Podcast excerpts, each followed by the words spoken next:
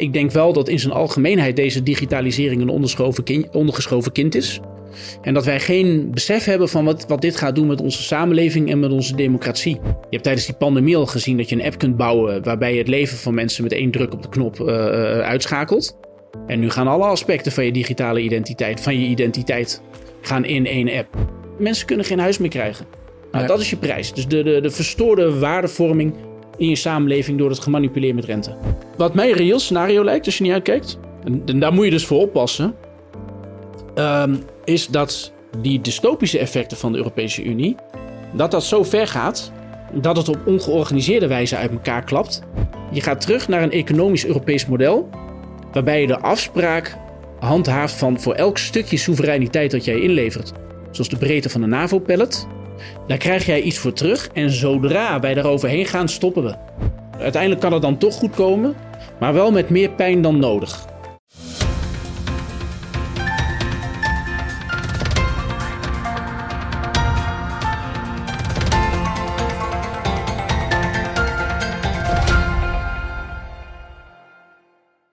Hallo allemaal, ik ben Paul Buitink, directeur bij edelmetaalbedrijf Holland Gold en welkom bij een nieuwe aflevering van onze podcast.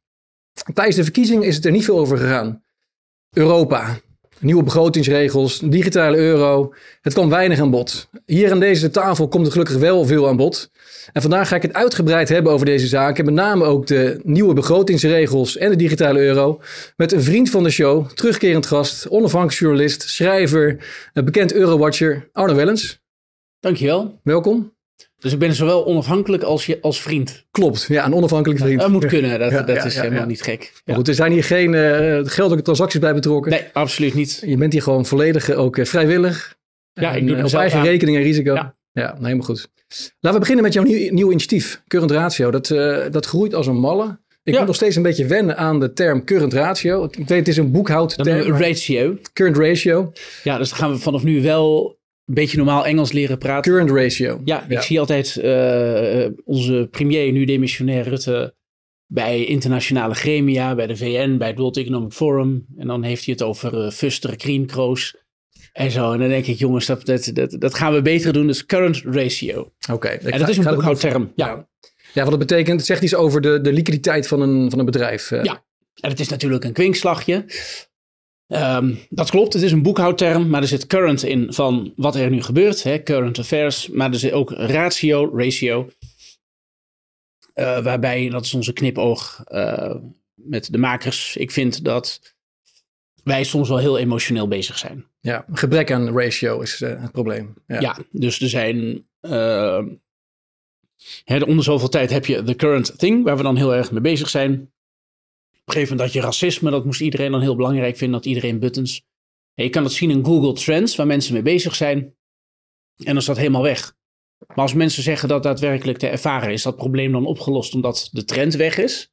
En die twee die lopen helemaal naast elkaar. Of uh, los van elkaar. Oekraïne begint men nu ook uit het oog te verliezen. Heeft dat land al geen hulp nodig nu de winter nadert? Dus tussen wat er echt gebeurt en hoeveel aandacht er voor dingen is, daar zit een enorme kloof. Het heeft allerlei rare beleidstekorten, zou je zeggen, tot, uh, tot, tot gevolg. En daar willen wij wat aan doen. Ja, de waan van de dag is natuurlijk uh, voor heel veel politici en beleidsmakers belangrijker dan het langetermijnperspectief. Ja. En dus in jouw show wil je dat langetermijnperspectief met, met denk ik een beetje focus op het financiële en de euro ja. wil jij onder de aandacht brengen. Ja, precies. Dus het is, dan zeggen we nou, het is niet de current thing. Uh, waar je dan mee bezig moet zijn met uh, uh, klimaat of vaccineren of dierenrechten. Dat is ook weer helemaal weg. wat speelt er nu? En wat nu heel erg speelt is toch wel, denk ik, mag je zeggen, de digitalisering. Die, die grote impact gaat hebben op de manier waarop de, de samenleving is ingericht. Ja, en de federalisering eigenlijk. En de federalisering die, daarbij hoort. Ja. ja, omdat een, een federaal Europa, en dat is waar we het hier over hebben ja. Dat staat haaks op het model van de parlementaire lokale democratie in de lidstaat Nederland. Dus Nederland gaat op, gaat verdwijnen in een groter geheel zonder parlementaire democratie. Europarlement heeft bijvoorbeeld geen recht van initiatief. Ja, heel veel mensen weten dat niet. Ja, daar, daar, gaan we het uitgebreid over hebben. Het haakje wat we hadden en waarom we ook eigenlijk bij elkaar kwamen. We hadden contact over de e-mail en we hadden zoiets van, nou, laten we weer een keer een, een, video opnemen. En op dat moment zat ik me een beetje op te winden over het feit dat er een deal aanstaande was over nieuwe begrotingsregels. Nou, iedereen uh, tenminste, de kijkers van deze show weten natuurlijk dat er begrotingsregels zijn, voortkomend uit het Maastricht-verdrag, Ja. later eh, omgezet in het, eh, ehm, het, het, eh, het Stability and Growth eh, Pact. En van 60% staatsschuld maximaal. Ja, mooie, mooie uitspraak, growth. Dus, Ja. dus niet kroos. Growth, growth. Geen green kroos, maar gewoon growth pact. Ja, Wat je eigenlijk meer, misschien eerder het, het instabiliteits- en krimppact eh, Ja. gaan noemen als je ziet wat, eh, wat eruit voortkomt. Maar eh, iedereen kent natuurlijk die 60% staatsschuld, eh, waar landen zich niet aan houden. Natuurlijk al eh, sommige van het begin af aan al niet. En een tekort mag niet meer dan 3% zijn. Ja. En dan eh, hebben ze afgesproken dat je dat, eh, als je dan toch meer dan 60% scha- staatsschuld hebt, moet je dat in 20 jaar eh, terugbrengen. Nou, gebeurt ook niet. Kortom, die regels worden al decennia met, met de voeten getreden. En ook worden er geen boetes uitgedeeld. Dus het idee was, nou laten we ze op de schop gooien en nieuwe regels maken. Ehm, hoe kijk jij naar die situatie? Ja, ik zie het een beetje als, als de alcoholist die voor de achtste keer bij de rechter staat. Wegens het breken van de, de regels of het eh, openrukken van een alcoholslot, weet ik veel. Je kunt altijd, als je dat interessant vindt, naar de rechtbank op de Parnassusweg. Als je voor een andere zaak daar moet zijn, eh, dan kun je. rechtszaken zijn openbaar. En je ziet heel vaak wel eens dat mensen voor acht keer of de negende keer voor hetzelfde delict eh, voor de rechter staan. Ehm, en dan moet de advocaat pleiten voor een lage straf. En dan kijkt die rechter zo'n beetje van, nou, hoe vaak, eh, hoeveelste keer is dit, eh, meneer Jansen? En dan, eh, ja, achtste keer, maar ik had zo'n dorst. Dat is niet geloofwaardig. En ik denk ook dat je de, ehm, ik denk ook dat je daarvan af moet. Dus ik denk dat als je het, als je zegt, nou, Nederland wordt een provincie in Europa. ehm, eh, zonder vetorecht. Dus zonder dat je zegt, nou, wat gebeurt er wel niet met onze pensioenen, met onze belastingen? Want daar heeft Rutte ons wel ingeduwd. Hij is helemaal niet demissionair. Kijk, dan zou je nog kunnen kiezen voor de democratische variant. Of de minst ondemocratische variant. En dat is dat je gewoon accepteert dat we één grote begroting hebben met z'n allen. één pot waar we allemaal tegelijk uit eten. Eh, dan kun je Nederland de belasting omhoog gooien. Dat lijkt me heel verstandig. Als je dan door wil gaan met die Europese Unie en die euro. Eh, en dan zeg je nou, Italië heeft gewoon altijd tekorten. Ik bedoel, kijk wat de staatsschuld in de afgelopen 30 jaar heeft gedaan. En dan kun je een fonds maken waarbij je Italië gewoon om de zoveel tijd ge- geld geeft. Ehm, in Amerika heb je dat ook. Dat is gewoon meerdere procenten van het bruto nationaal product. Dus gewoon elk jaar 30, 40 miljard euro weg uit Nederland. Hogere belastingen. Dus een paar honderd euro per maand per inwoner netto. Ja. Maar dan kun je dat wel transparant doen. Dan kun je dat met de accountantscontrole doen. Dan kan dat via een centraal fonds. Dan kun je parlementariërs hebben die dan wel kunnen kijken wat daar gebeurt. Alle stukken maak je openbaar voor journalisten. En dan ben je gewoon af van, van, van het idee dat meneer Jansen, die bij de rechtbank is, dat hij de voor de negende keer een taakstraf krijgt eh, en een cursus eh, verantwoord alcoholgebruik. Eh, en dat hij het dan ineens wel anders gaat doen. Ja. Italië, geeft die, gozer, geeft die gozer gewoon een, een, een, zo'n bureaukarretje. Weet je wel, als je, nou, dan zuipt hij zich helemaal klem en dan rijdt hij maximaal 45 en dan zijn die ongelukken ook niet zo groot. Ja, of een fiets, weet je zo'n fatbike. Maar het, het, het idee dat iemand voor de achtste of de negende keer hetzelfde doet en dan ineens het anders gaat doen, dat is niet geloofwaardig. Ik zou, ik zou er echt mee willen, willen ophouden. Ja, dus wat dat betreft is het een toneelstukje wat nu weer Ja. wordt opgevoerd, waarbij er eh, ogenschijnlijk dan eh, wordt gevochten voor nationale belangen. Maar wat me opvalt is dat Ja, maar, maar een, precies. ka- een kaag is niet eens, no- normaal zou je verwachten dat Nederland dan samen Duitsland, hè, zo- voorheen zoals Hoekstra met de vrekkige vijf, dat je dan eh, een soort van samenwerkt om, om, eh, om, om er niet voor te zorgen dat die regels zo, zo strak mogelijk worden. Maar zelfs dat is nu niet eens gaan. Dus we hebben minister Nee, maar dat meent ze ook niet. Kaag meent dat ook niet. Dus wat dat betreft, Kaag is gewoon eerlijk. Die zegt, joh, dat boeit me niet. Ik wil graag soepele regels. Ja, ik eh, Sigrid Kaag, dat klinkt niet heel Italiaans of, of Portugees, maar je hebt de, de vraag, moet het een beetje een Germaanse of een Latijnse muntunie worden? Ehm, en ehm, de, de Latijnen, zeg maar, de, de, de, die, hebben, die hebben nu de overhand. Dus misschien noemen we straks het Sigrid-akkoord. Dan klinkt het op zijn minst Noord-Europees. Ja, dan klinkt het een beetje eh, eh, viking. Ja. De Maar landen waar die vandaan komen, die zijn al lang weg. Die doen hier niet meer aan mee, want die zien waar het heen gaat. Ja. Eh, maar maak daar gewoon inderdaad, eh, accepteer gewoon hogere schulden. Ik vind ook, we hadden het er in de auto over. Dat mogen we niet wel alles vertellen wat er vertellen. in de Nee, auto niet, niet alles wat er in de auto is. nee, we zonder gekheid. Ik vond het wel, wel een mooie. Hè, dus wij zochten naar de parabel Van een, eh, van een schuldunie. Waarbij je in een land als enige eh, het, braafste jongetje van de klas gaat zijn. En toen zeiden we van, nou stelde inderdaad dat je een feest hebt. En er is, uh, we gaan de rekening splitten en delen aan het einde van de avond. Maar tot dat moment hebben we vrij drinken. Zodat je dus niet elke keer hoeft af te rekenen bij het wat bestellen aan de bar. Nou, dan krijgen we een moral hazard probleem.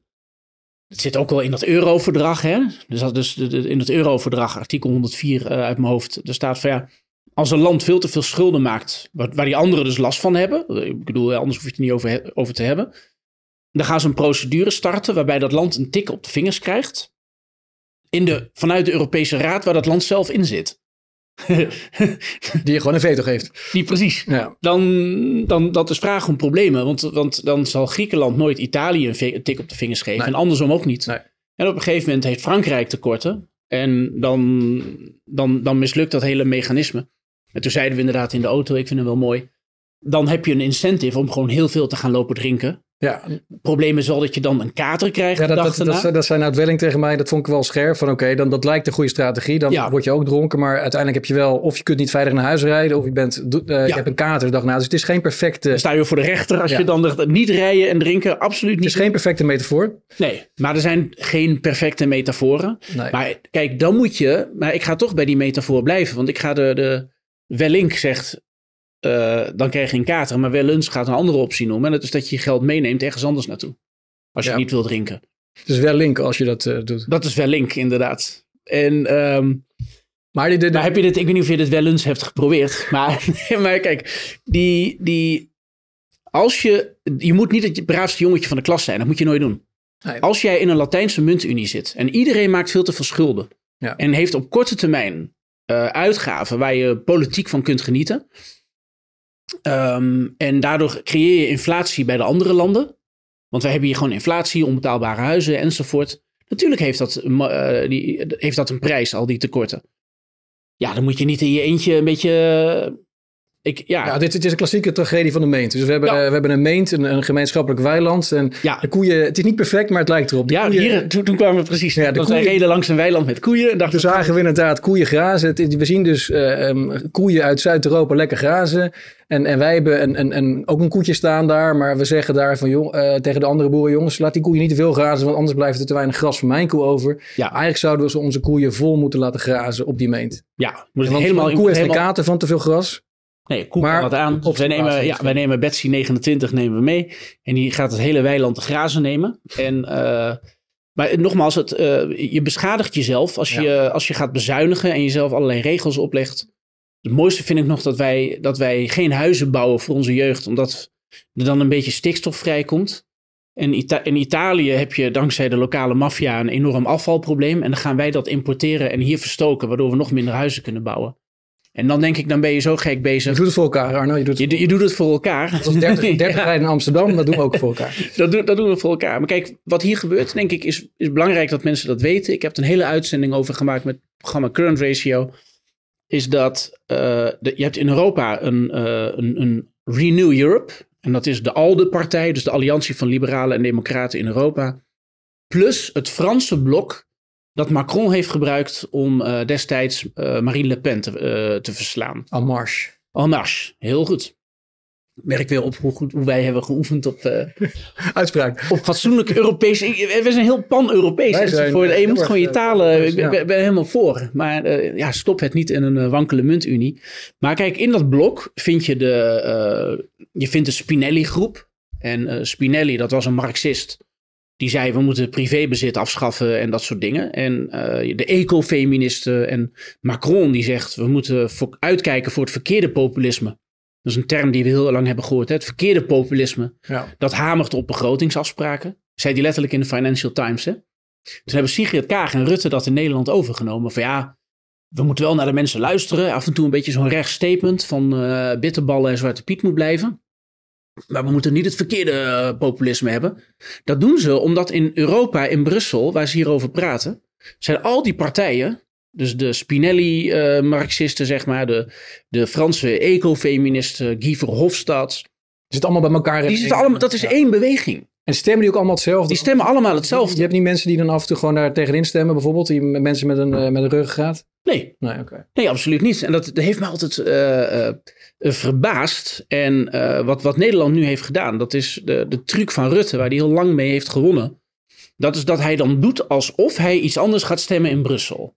Dus dan heb je een borrel met de VVD, met inderdaad heel veel bitterballen. En dan zegt de VVD van nou, Alde is voorstander van Henry New Europe, is voorstander van eurobonds.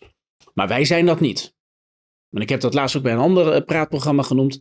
Dus in 2017 had, uh, hadden ze me uitgenodigd bij de JOVD voor een debat met Hans van Balen. Ja. Dat werd toen begeleid door Jort Kelder. Dat is één grote kreeg ja, nog... Uh, hoop aardappelen. Hoop, ja, dan kreeg dan nog, uh, nog, nog hartverzakking van hoe dat door elkaar ging. Maar ik dacht op een gegeven moment, ik ga die Hans van Balen toch uh, even in één hoek drijven op één punt. Ja.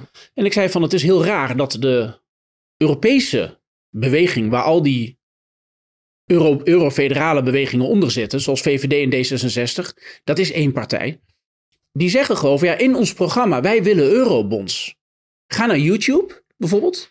Zoek op Guy Verhofstadt eurobonds. Hij noemt dat al sinds 2011 en 12. Ja. Omdat hij correct zegt, van, dat is gewoon een feit. Ja. Als je de euro wil redden, dan moet je, dan moet je kijken naar financieringsinstrumenten. Ja, hij staat ook niet veel transparant en hij is eerlijk precies. over, ja. En hij is de fractievoorzitter. En hij zegt, ik bepaal de lijn. En dan moeten in, in het Europees parlement moeten al die fracties die zich aansluiten, zoals D66 en VVD, die moeten dan, dan daarin meegaan. En toen had je Hans van Balen, en dat noemde hij ook op dat uh, congres. Hè, toen had Macron net gezegd van, uh, ja, we moeten naar eurobonds toe en Nederland moet gewoon een hogere afdracht accepteren. Toen dacht ik, wauw, hoe ga je dat verkopen bij de Nederlandse verkiezingen?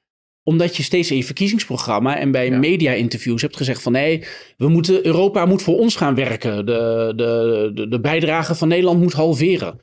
Geen eurofederale vergezichten. Nee. Geen eurobonds, geen eurobonds. Maar dat spelletje werkt dus niet meer. We hebben bij de laatste verkiezingen gezien dat, dat kiezers daar inmiddels... Dat is, dat is klaar. Het heeft even tijd gekost, ja. maar de kiezer heeft inmiddels door dat die Rutte-doctrine dus in Den Haag A zeggen, in Brussel B doen. Dat, dat, daar zijn mensen klaar mee. Ja, en dat is een, een, een harde, dat is echt een marketingcampagne. En dan zeg je gewoon van nee, van, uh, van, uh, van de suikers in cola word je niet dik, maar wel van de suikers in uh, weet ik wat. Ja. Is gewoon niet waar, het is hetzelfde.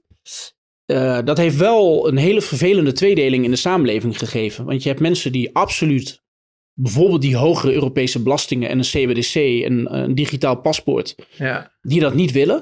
En je hebt de mensen die dat wel willen en die zijn eerlijk en integer. Want dan ga je naar een Europese federatie toe en dat zijn mensen zoals Sigrid Kaag, zoals Laurens Dassen van Volt.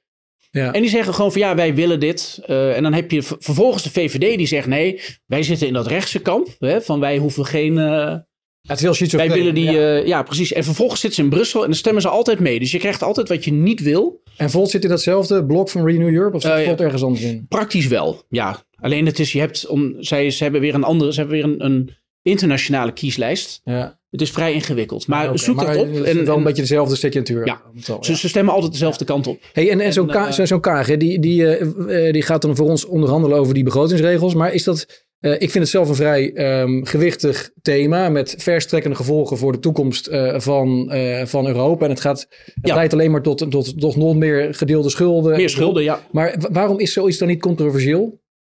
dat je als demissionair... Waar, waarom kun je als demissionair minister... Je moet op de winkel passen, toch? Dit is niet winkelpassen, dit is de winkel dit uitrijden. Is, ja, dit precies. Is, dit is de winkel slopen. Dit is een, uh, dit is een, een, uh, een private equity partij bellen en een bank.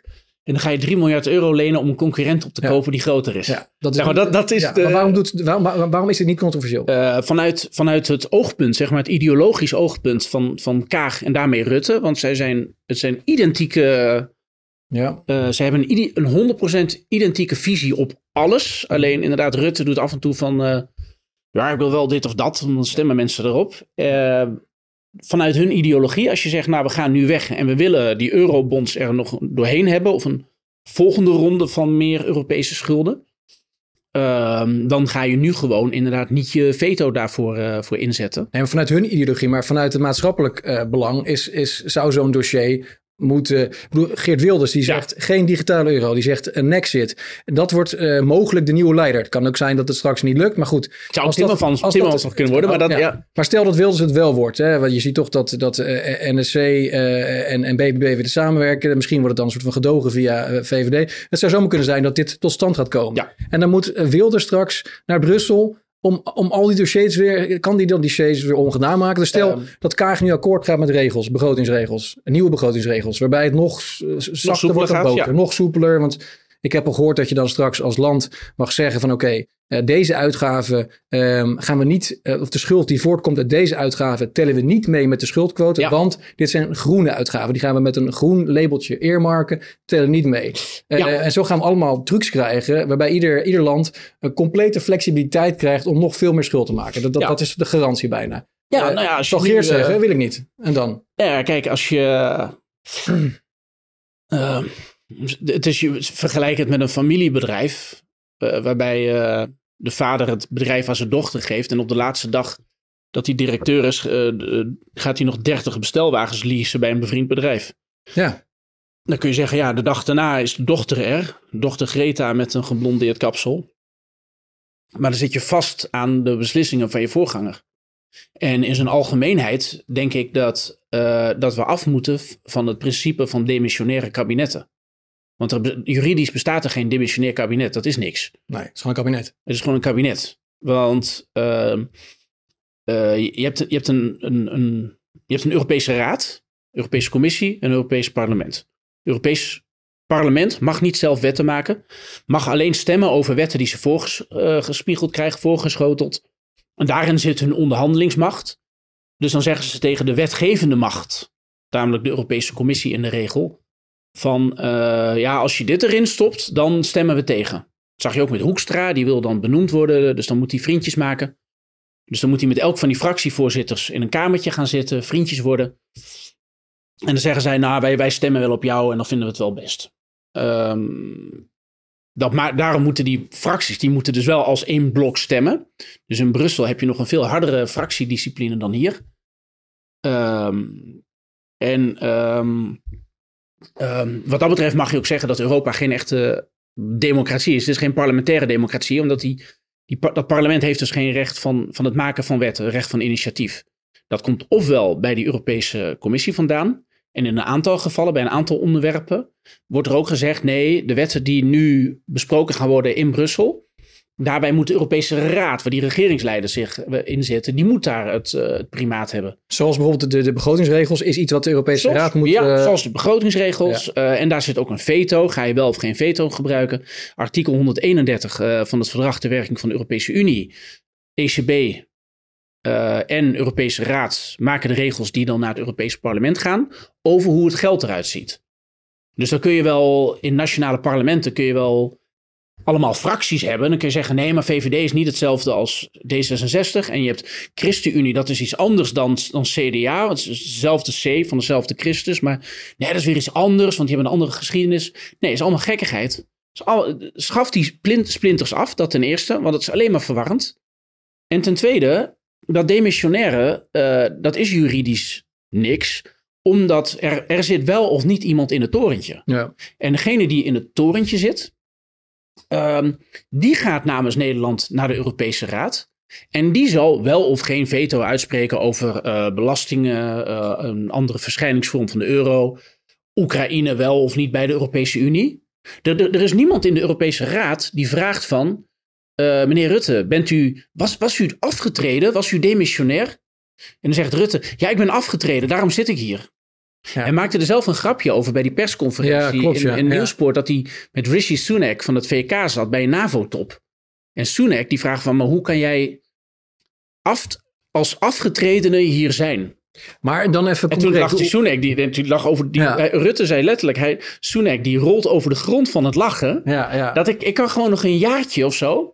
Het moet, eigenlijk, het moet eigenlijk zoals, zoals in Amerika ook eh, als je ontslagen wordt. eh, Het zou mooi zijn geweest als je dan een Rutte op een gegeven moment met zo'n kartonnen doos uit het torentje ziet lopen. Dat Ja. weet je, zoals die bankiers met Lehman Brothers. Ja. Gewoon eh, doos mee, zo'n zo'n fotolijstje erin en dat soort zaken. En dan gewoon weggaan. Maar, Dat, dat- dat is helder. ja, maar als, als Dus je, dat... kunt niet, je kunt niet demissionair zijn. Demissionair is juridisch niks. Ja, maar Schaf het af. Ik kan me voorstellen dat er, ehm, dat er binnen Brussel nu gedacht wordt, ja, straks komt Wilders aan de macht. Eh, Kaag, even snel eh, dit, dit rondmaken met elkaar. Eventjes onder ons, laten we snel eh, het, het afkaarten. Want dan Ja. hebben we het in ieder geval eh, hebben we een wet van gemaakt. Maar stel dat, dat ze dat voor elkaar krijgen. Dat, dat, Ja, wat kun je nog doen? Ja. kan, kan Wilders dan zeggen, ehm, of wie dan ook, zeggen van nou ja, je, dat is niet goed voor Nederland, die begrotingsregels. Ik, ik ga dat toch weer, eh, eh, ehm, ik, ik, ga daar te- ik ga ervoor liggen of ik ga het proberen ongedaan te maken. Is dat mogelijk? Uh, nou ja, je kan, je kan bij een verdere uh, uitbreiding van bepaalde bevoegdheden, van, van nieuwe Europese schulden, zou je belastingen, zou je er wel voor kunnen gaan. Ja, maar dat is een nieuwe, maar kun je terug? Het nieuwe, nou dat is eigenlijk heel moeilijk. Dus als het eenmaal staat, dat is die, een beetje die omelet. Dan is die, uh, ligt die in de pan en we kunnen niet meer een omelet in elkaar zetten. Terug. Nee, want, want denk maar eens na. Hè. De... Dat is toch gek? We kunnen mensen op de maan zetten. Uh, maar je kan dit niet... Over, maar, ja. we kunnen niet zoiets als een... Twijfels? Nee, ik, ik kan het niet. Maar nee. volgens mij kan, kan het wel als je er heel veel geld tegen aangooit. Ja. Maar we kunnen niet zo'n wet terugdraaien. Nou kijk, het, het, kan wel. Maar dan moet je... Oké, okay, we zitten nu eh, filosofisch een beetje na te denken. Oké, laten we zeggen, weet je wat? Geert Wilders die gaat Nederland uit de Europese Unie loodsen. Dat we gewoon even dat scenario afmaken. Plus wat, wat er dan ligt aan schulden. En dan nog wat extra schulden. Omdat Kaag en, Rutte die hebben nog tot de zomer om uh, toch nog wat dingen er doorheen te douwen. Wat wetten die Nederlanders misschien niet willen. In meerderheid zoals CBDC. Hè? 8% van de mensen in Nederland wil CBDC. Dus de rest niet. Of heeft geen mening. Ze hebben nog een pakketje aan wetten die ze kopen. Ja, en dat ga je nog eventjes. En dan zegt Rutte en die zegt uh, knettergek, knettergek. En die komt daar en die gaat... Uh, Wilders. Wilders. Ja, ja. ja, Wilders wordt premier. En die zegt ik ga Nederland uit de Europese Unie loodsen. Dan heb je een heel vervelend verschijnsel. Uh, en dat, dat is het, het, het permanente effect van schulden. Je kunt een schuld kun je als lijm gebruiken voor een politieke ideologie. Want kijk naar dat coronafonds. We hebben destijds gezegd, nou corona is heel erg. Dus er moet een coronafonds komen waarvan de, de, de inleg naar hele andere dingen gaat dan ja. zorg bijvoorbeeld. Heb ik me dat over verbaasd. En dan waren de economen en die bellen ook en die zeggen: nee, maar Arno, je ziet het verkeerd. Coronafonds, dat wordt ingesteld, hè, 800 miljard euro met een zeer scheve verdeling. Dus Nederland legt 42 miljard euro in met geleend geld. En er gaat 5 miljard euro naar Nederland. Ja. Dus dat is een. Klinkt als een slechte deal. Dat is een hele slechte deal eigenlijk gewoon. Maar dan zijn we wel solidair met elkaar. Nou, dat ging met schulden, met geleend geld. En dat, dat geld is ook voor, voor ruim de helft nu geleend. Uh, alleen wat gebeurt er dan? Uh, ne Nederland zou nu kunnen zeggen: wij hoeven de rest van dat fonds niet te lenen. En, en uit dat fonds wordt die digitalisering en ook een stukje groene transitie uh, wordt, wordt dan gefinancierd. Met een grote vertraging, want er is een gendercommissie die moet ook kijken naar de corona-uitgaven. Dus uiteindelijk over jaren komt dat geld pas. Hè? Dus ook als je zegt het is een economische stimulans in een recessie.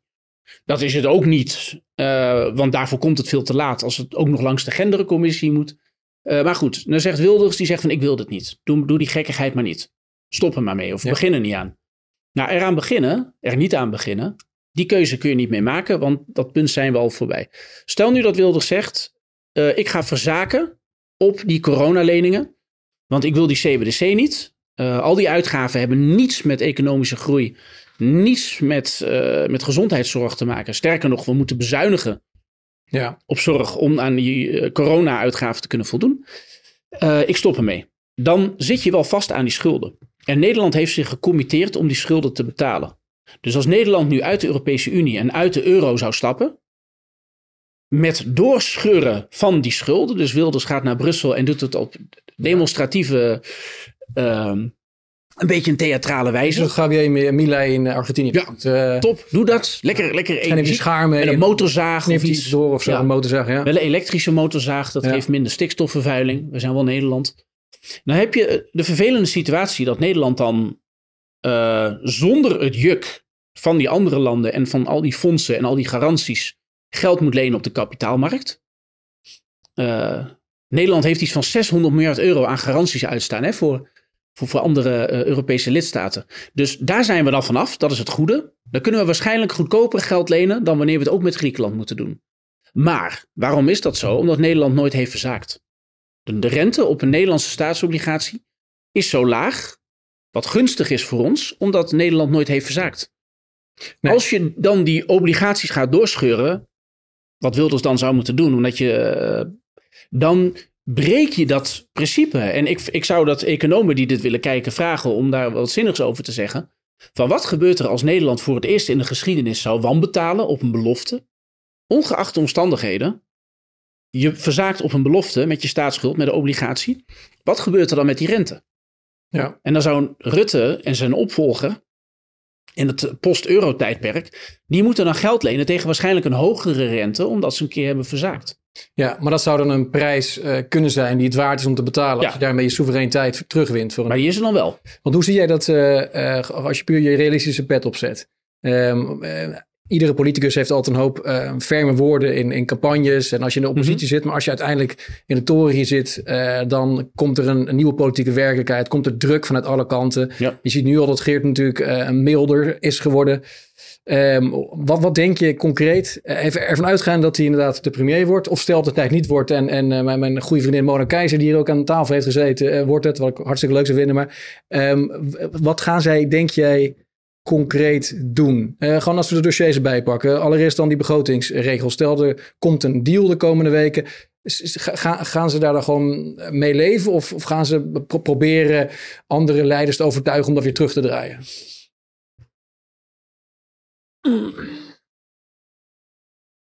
Um, wat, wat ik eerlijk denk. Ik, ja? Hij gaat gewoon meebewegen. Met ja, Het, het, is niet leuk. Uh, ik, ik kan, weet je wat, ik ga nu een voorspelling doen. Ik ga een, een, een beeld neerzetten voor de komende vijf jaar. Ja. Um, je zag hem met Meloni in Italië. Uiteindelijk eh, heel eurosceptisch. En als het erop aankomt, eh, gewoon meewaaien. Nou, nou krijgen ze natuurlijk heel veel geld in Italië. Ja, dus precies. Dat, Meloni is, de laatste. Dat, dat, eh, precies. Dus als je, als je kijkt, als je zegt, nou Nederland moet iets van 600 miljard euro uh, aan garanties afgeven. Dat zit in iets van 80 miljard voor coronafonds, ESM, banken redden. En het is vooral ECB en garanties vanuit uh, ECB. ECB en Target 2.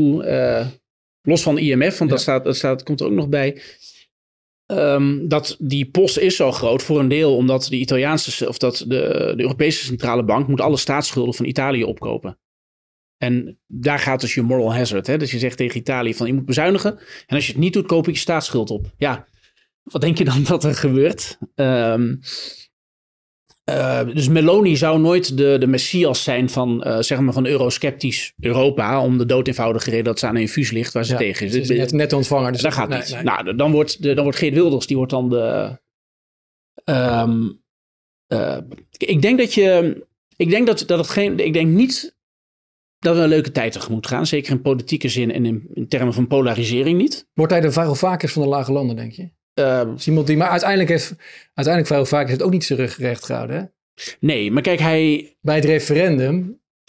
Ik, ik betwijfel en ik, ik ga Geert Wilders uh, uitdagen. Ik, ik, nodig hem hier ook uit om hier dan te komen zitten. Dan moeten we het er maar eens over hebben. Ik denk dat hij. Echt, als je gewoon naar de, de, de dikte van uh, historische verkiezingsprogramma's van hem kijkt dat er over heel veel aspecten niet super goed en super hard en lang is nagedacht. Nee, ze geven ook niet thuis. Als ik PVV vraag om hier te komen, en je weet, ik heb best wel wat interessante ja. mensen tafel gehad. Teun van Dijk, een keer naast gezeten bij Ongehoord Nederland. En dan praat je met zijn perswoordvoerder van ja, kom eens, ja. kom eens langs. Hele schappelijke vent, heeft leuke ideeën. Ja. Maar ze, ze zijn daar heel voorzichtig mee. Ja. Um, maar, maar leg dan eens inderdaad eens uit. En dat is in de, maar dan, kijk, dan moet je dus een concreet plan hebben. Met alle respect, ik denk dat BBB het ook niet heeft. Als je nu bijvoorbeeld zegt, oké, 8% van de Nederlanders wil CBDC, de rest wil het niet. Wat kunnen wij doen om die digitale identiteit tegen te houden? Als je, uh, en welke budgettaire effecten heeft dat? Want CBDC moet het Europese parlement nog overgaan. Ja. Uh, die gaan daar waarschijnlijk ja op zeggen. Moet daarna nog de, de, raad... Is het een dossier waar ook nog een veto kan worden gebruikt door de raad of niet? Je zit nu zo ver in dat proces. Dan had je dat veto bijvoorbeeld eerder moeten gebruiken. Ja. Uh, maar je zou als land kunnen dwars liggen. Je zou kunnen zeggen wij implementeren het gewoon niet. Dat kan natuurlijk ook, ja. Ja, en dan breek je dan wel Europese regels. Maar dat Beetje zoals Zweden, die de euro moet implementeren, maar het niet doet. Maar het niet doet. En hoef je hem ook niet digitaal te maken. Maar dan moet je dus een beetje ja, de stoute schoenen aantrekken. Je zou dat soort dingen kunnen doen. Een optie die mij heel logisch lijkt. Als ik premier zou zijn, dan zou ik dat doen. Dan zou ik zeggen, nou, we hebben ons tijdens die coronapaniek uh, eigenlijk gecommitteerd aan het doen van die, van die uitgaven. Hè. Dus onze, de krabbel van de minister van Financiën van Nederland staat onder die obligaties. Nou, die krabbel van de Nederlandse minister van Financiën, die is heilig. Dus we gaan wel betalen voor die software. Dus twee, iets van 250 miljard euro uit dat coronafonds. Gaat naar digitalisering. En in de tientallen miljoenen euro's uitgedrukt gaat er naar zorg in Nederland. Hè? Maar goed, daar zal ik niet meer over beginnen. Ik zou dat dan doen. Dus je zegt, nou, wij gaan belasting heffen in Nederland, zodat we de corona-obligaties betalen. Maar we gaan het niet uitvoeren. Dus al die software, al die softwarecode, die doen we op uh, USB-sticks en op uh, schijven. Die schijven stoppen in een container op een, op een fregat. En dat fregat gaat naar de Marianentrog en gooit het op milieuvriendelijke wijze in de diepste plekken, diepste kloof op aarde. Uh, dat, dat, dat soort dingen zou je kunnen doen. Maar dan moet je dus wel een besef hebben van hoe gaat dat er precies uitzien? Wat gaat er precies gebeuren? Op welke punten uh, willen wij hard ja of nee zeggen? Uh, gewoon de vraag, wat kun je juridisch nog doen tegen digitale identiteit? Het Kamerlid dat hier vooral mee bezig is geweest, dat is Mahir Alkaya van de Socialistische Partij. Ja. Uh, die zijn we kwijt. Die heeft er ook vragen over gesteld aan, aan Kaag. Kaag heeft dat in brede zin beantwoord aan de hele Kamer. En gezegd van ja, omdat die artikelen in het verdrag de werking van de Europese Unie rond artikel 130, zoek ze maar op, die leggen een soort primaat voor wetgeving. Niet zozeer bij de commissie, maar bij de raad. Uh, en wij hebben al heel veel ingediend. Dus om nu achteraf nog te zeggen, ja, we willen het toch niet. Ja, want, want de Tweede dat Kamer was in meerderheid tegen de digitale uh, identiteit. En volgens uh, heeft Van Huffelen dat er uh, toch ja. doorheen gedrukt. Maar dat is in strijd met artikel 81, 81 van de grondwet. Van de grondwet ja. ja. Maar dat, is dus, dat artikel is dan uiteindelijk ondergeschikt aan het Europese primaat. Dat wetgeving vanuit Europa altijd uh, bovengeschikt is aan, aan onze uh, lokale wet. Ja, ik vind het een hele interessante discussie. Ik weet dat Pieter Omzicht daar ook druk mee bezig is. Omdat hij, ja. dat hij heeft daar, je ziet daar een interessant debat van hem met Hind Dekker Abdulaziz van D66 in die commissie Digitale Zaken. Zoek dat op. Dekker Abdulaziz een Omzicht.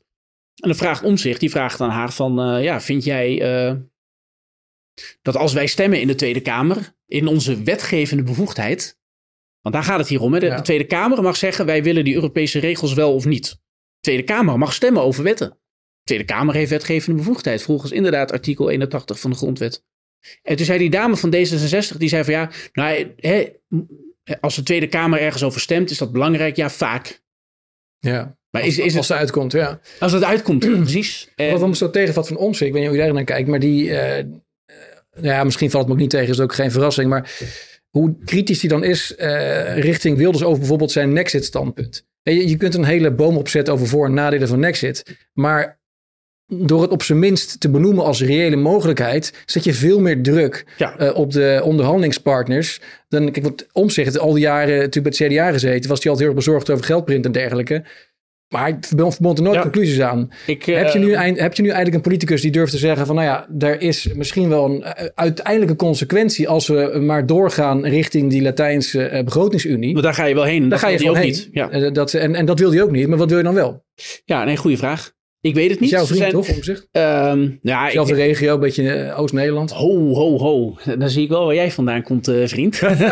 er is wel een verschil tussen uh, Gelderland. ja, ja. Dus, Klopt. de Veluwe is Achterhoek niet... en Twente en Veluwe, dat zijn verschillende regio's. Oeh, ja, en dan ook Twente en niet... Ik chargeer een beetje. Ja, nee, zeker. Ik ga zo even de kaarten bijpakken, want dit... Dit, dit kan echt niet. Nou, kijk, ik, heb wel onderzoeken gedaan. Uh, dan kom je tegen moeilijke derivatenconstructies en dat soort dingen aan. En ook met Europese schulden dingen, waarbij er veel meer schulden is dan wij denken enzovoort. En dan is hij wel... Hij is een van de weinigen, eigenlijk misschien de enige in de Tweede Kamer... die begrijpt hoe die derivaten uh, werken en die er ook kritische vragen over kan stellen.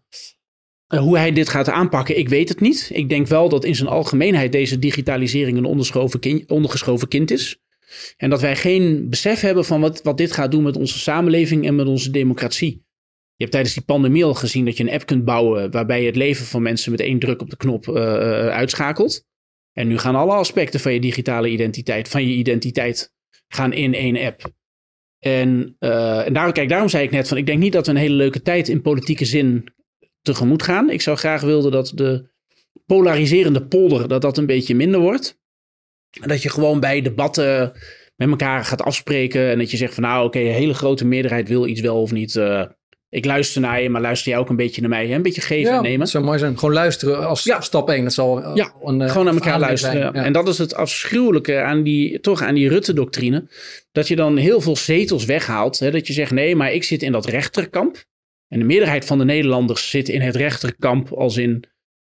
Ja, een beetje misschien slechte woordkeuze, maar wij willen geen hogere belastingen, geen eurobonds, geen Europese federatie en, uh, en ook geen digitale munten en identiteiten. Nee. Uh, handel in medische data zonder dat ik er iets over te zeggen heb. Meerderheid van de mensen wil dat niet. Nee, maar misschien. En, ik, nou, ik durf daar wel een, een kanttekening bij te plaatsen. Ik kan me Ik denk als je met veel mensen gaat praten op straat en als je dan tegen ze zegt van joh, eh, er komt een Europese digitale identiteit aan wat vergelijkbaar is met DigiD, waar je een aantal andere dingen aan kunt plakken, zoals je rijbewijs of, of je medisch dossier. Stel dat ik op mijn bek ga in, uh, in Mallorca en ik heb, uh, moet daar naar de dokter en, en ik heb mijn been gebroken, is het op zich prettig als gewoon daar ook kan zien wat mijn medische voorgeschiedenis is. Dus ja, maar als je, als je, erbij zegt, als je erbij zegt dat de medische data die jij daar achterlaat en je medicijn gebruikt en de manier waarop je daar reageert, dat die data verkocht kunnen worden. Nee, dat, maar, dat, terwijl dat niet. Te, zonder dat jij iets krijgt van het geld, maar jij moet er wel voor betalen. Ja, maar de, afspraak, de afspraak als, het, als het geanonimiseerd wordt gebruikt voor bepaald onderzoek. Tegelijkertijd zijn we momenteel in Nederland heel erg verbaasd. We, zijn, we zijn verbaasd over het feit dat uh, vaccinatiedata bijvoorbeeld niet geanonimiseerd kan worden. om te kijken waar die oversterfte uh, ja. data vandaan kwam. Maar tegelijkertijd zeggen: ja, ik wil niet dat mijn, dat mijn medische data uh, um, geanonimiseerd gebruikt kan worden voor onderzoek. Wacht even, dit, dit zijn een paar dingen. Die, die, die, uh, kijk, als jij een appje bouwt uh, en je gaat naar Mallorca om daar te vechten, bijvoorbeeld. Uh, je zegt nou in de kroeg en het lijkt mij handig dat, ik, dat, dat mijn elektronisch patiëntendossier digitaal is. Of ik heb een bepaalde ziekte met, met bloedverdunners. Ja. En ik wil dat, dat als ik een een vrachtwagenchauffeur bijvoorbeeld die zegt, nou ik rij veel. Daar kun je appjes en dingen voor maken. Beetje zoals Park Mobile. Je zet hem aan voordat je de kroeg in gaat en dan de volgende dag zet je het appje weer uit. Zoiets. Ja. Daar, kun je, daar kun je dingen mee regelen. Maar wacht eventjes. Die digitale Euro Europese identiteit. Uh, die gaat erover dat de Europese Commissie degene is die jouw paspoort uitgeeft. Dus je gaat naar een federaal Europa toe. Het is geen handig appje. Daarnaast is het zo dat er primair en secundair gebruik is van data. Primair gebruik wil zeggen dat dat jij en je zorgverlener uh, in het systeem gaan kijken wat er aan de hand is. En dat je digitaal opslaat welke medicijnen er zijn gebruikt. En natuurlijk gebruik je de rekenkracht van de computer in de zorg. Dat secundaire gebruik van die data, dat gaat erover dat die data verkocht mogen worden. Ja, maar daar kun, daar kun je streep doorheen trekken dan. Hè? Je kunt met elkaar afspreken. Nou, we willen wel een soort van handig appje. Dat ik niet meer dat onhandige paspoort hoef mee te nemen als ik naar, als ik naar uh, uh, Mallorca vlieg. Maar dat ik het gewoon met een, met een uh, QR-code kan doen.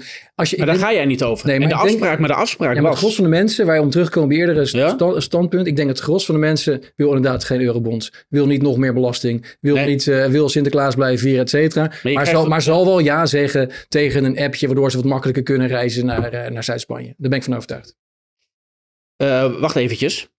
Als je tegen die mensen zegt, uh, die medische data die jij dan genereert, geanonimiseerd of niet, is dat een economisch goed of niet?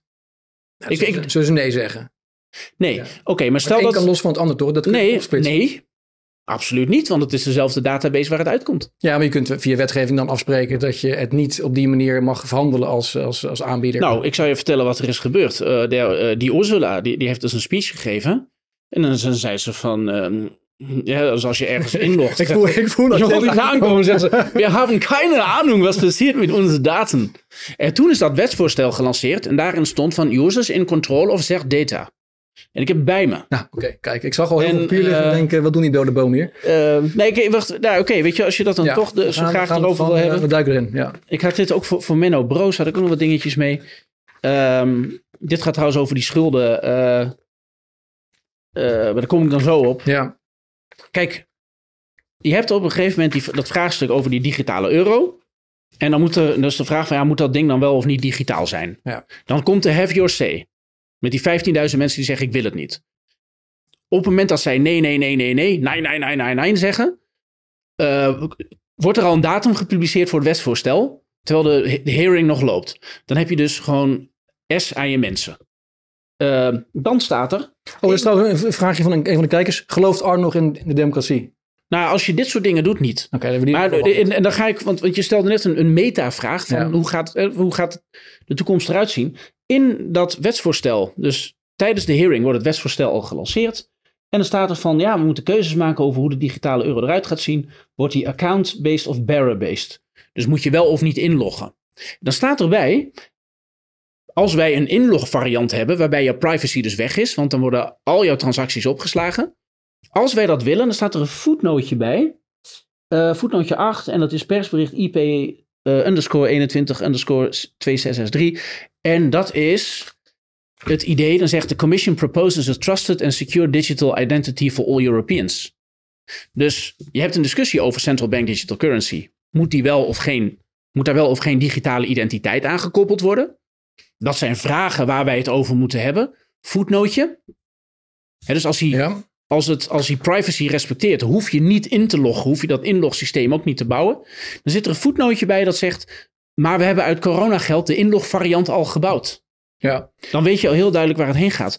En om even op jouw medische data terug te komen. Ehm, dan staat er van the European Digital Identity will be uh, available to anyone who wants to use it. Daarmee zeg je eigenlijk dat als je het niet wil, dat het niet hoeft. En dan staat er users in control of their data. Dat staat hier gewoon letterlijk. The European Digital Identity Wallet will enable people to choose which aspects of their identity, data and certificates they share with third parties. Dat is dan positief. Maar zelf kiezen. maar, je voelt je hangt. Ik voel maar. er komt een maar aan. Probeer positief te blijven. Ja. In dit geval, dit, dit is jouw wereld. Waarbij jij zegt, het zijn mijn data. Ik gebruik Ja. het primair.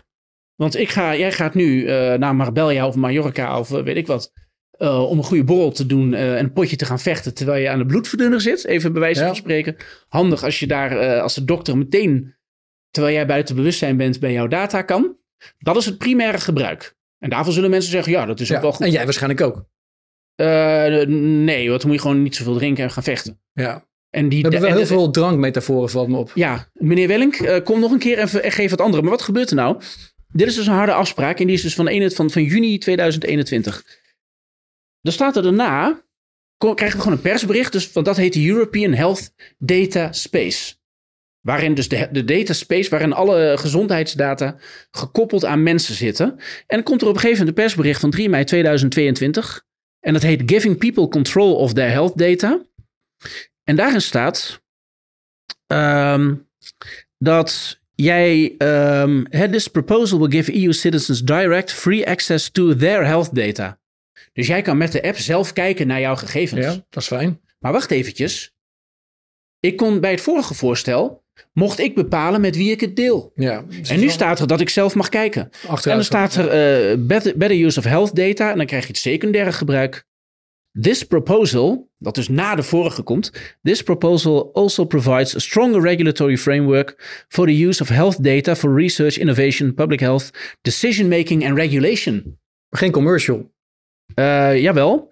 To access the data, researchers, companies, bedrijven mogen jouw medische data kopen. Research Companies, Ja, maar ja, dat is natuurlijk een... research, Ja, comma, companies. comma, companies, comma, Ja. institutions. Het zijn belangrijke comma's. Zijn dure comma's. must submit an application to a health data access body, which must be set up in each member state. Ja. Maar wacht eventjes. De oude belofte was, in jouw metafoor, we gaan een andere metafoor gebruiken. Je bent een vrachtwagenchauffeur en niets vermoedend rij je helaas tegen een boom. Eh, dus dan heb je primair gebruik eh, in een andere eh, lidstaat, moet heel duidelijk zijn, hij zit aan de bloedverdunners. Jij kunt de data zien en je mag bepalen met wie je deelt. Er komt er een nieuw wetsvoorstel van 3 mei 2022. Eigenlijk een besluit in de Europese Raad. Waar geen notulen van zijn. En daarin wordt gezegd: deze belofte. die breken wij gewoon. Ja. Dus eigenlijk een beetje zoals we het vaker zien. In eerste instantie is het richting de burger. We doen het niet. En eh, uiteindelijk komt er net als met het Oekraïne-referendum een inlegvelletje. We doen het gewoon wel. Alsnog uh, ingeshanghaaid. Ja. Ja.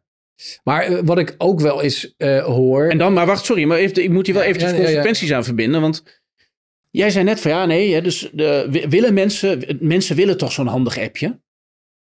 Ik denk als je het gaat vragen op straat. dat veel mensen eh, pro-handige appjes zijn. En met deze context, dat jij dus niet mag bepalen. Maar hier- wat er hier gebeurt, het gaat dus naar onderzoekers, comma, Eh, companies, ja. bedrijven. En als jij niet wil dat, het, dat jouw data verkocht wordt, dan kan de overheid tegen jouw zin in jouw medische data verkopen. Wat, vind- wat vind je daarvan? Je zou gaan, ik, ik ben geen voorstander. Ik, ik speel soms advocaat van de duivel. Maar Ja. ik zou niet willen dat. Ik, wat ik, Maar Wat denk je dat Kijk, ik graag zou willen- eh, die app wil? eh, niet als je het zo uitlegt, maar zo. Nee, zo- maar zo dit, is wel de, dit zijn wel de feiten. Ja. Kijk, ik, ik zou een wereld willen waarin allerlei verschillende identiteitsinitiatieven ontstaan. Waardoor je. ehm, kijk, uiteindelijk vind ik het prettig om makkelijker te kunnen reizen. En ik vind het nog steeds diep triest dat mijn vrouw bijvoorbeeld, die inmiddels heeft ze een, een, Nederlands paspoort, um, maar laat haar ouders nemen bijvoorbeeld, uh, of, of haar nicht die heel graag bij ons was geweest nu om te helpen thuis met, uh, met, met, met onze kleine. Hij, ze krijgt gewoon geen visum, uh, vanwege allerlei redenen, maar ze heeft, niks, ze heeft niks misdaan. Dus je bent nog steeds heel erg afhankelijk momenteel in deze wereld van waar je geboren bent, of je wel of niet vrij mag reizen.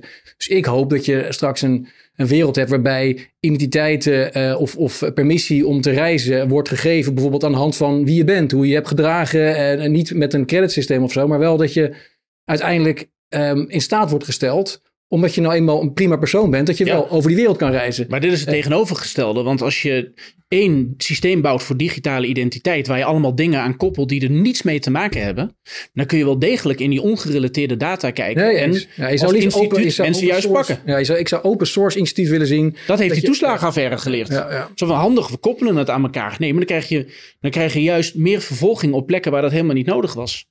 En de vraag of, een, of, of medische data, of dat een economisch goed is. Ja, ik durf het aan. Weet je wat? We maken een. We gaan INO Research bellen. Of iemand. We gaan gewoon de wetenschap het laten oplossen, zodat wij uh, aan het water kunnen blijven. Ja, ja, ja, ja. Maar in dat geval van handig appje, ja, de meerderheid zal zeggen ja. Is, mag de Europese Unie beslissen dat jouw medische data niet van jou zijn en dat wij er geld aan kunnen verdienen door te verkopen aan bedrijven zonder dat jij erover gaat? Wat niet de afspraak is, we breken gewoon de afspraak, dan zal de meerderheid tegen zijn. En wat je nu gaat zien de komende jaren, is dat al deze afspraken worden geëffectueerd. Dus die app die gaat door. De financiering daarvan werd gedaan onder de aanname dat de rente heel laag was. Ja. Maar dat is die niet. Er zit ook een rentemismatch.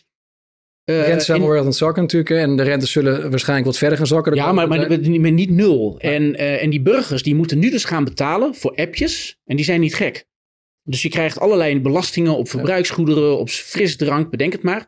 En dan kun je dit systeem bouwen waar die bedrijven geld aan verdienen en die overheden tegen jouw zin in. Maar ik kan me en, dat moet je, en dat moet je ze dus een beetje in de strot douwen. Maar ik kan me nog voorstellen dat je dan met die, met die uh, digitale identiteit... dat je er nog wel wat, afhankelijk van hoe die wordt gebouwd... dat je er nog wat voordelen uit zou kunnen halen als burger. Maar, die, dan? maar die digitale euro, nou ja, als je inderdaad... Een, een, uh, je bouwt het op zo'n manier dat het niet verhandeld wordt... en dat je inderdaad als, als vrachtwagenchauffeur, als je in het buitenland gaat... dat je, op, dat je in die app aangeeft dat medische professionals je dossier kunnen zien. Maar goed, dat kun je ook op een andere manier inkleden. Ja, dat mag dus niet als eruit gesloten, dat je erover gaat. Dus dus de, de, de will not be in control nee. of their data. Maar dat alles hangt af van hoe je het vormgeeft. Maar zo'n digitale euro... Die keuze is al gemaakt. Die digitale euro, daarvan, uh, met name ook hoe ze het nu hebben vormgegeven, zie ik geen enkel voordeel. Nee. Uh, Wilders zegt heel duidelijk in zijn programma, geen digitale euro. Gaat hij daar iets, uh, gaat hij daar iets mee doen of gaat hij het gewoon laten gebeuren dan?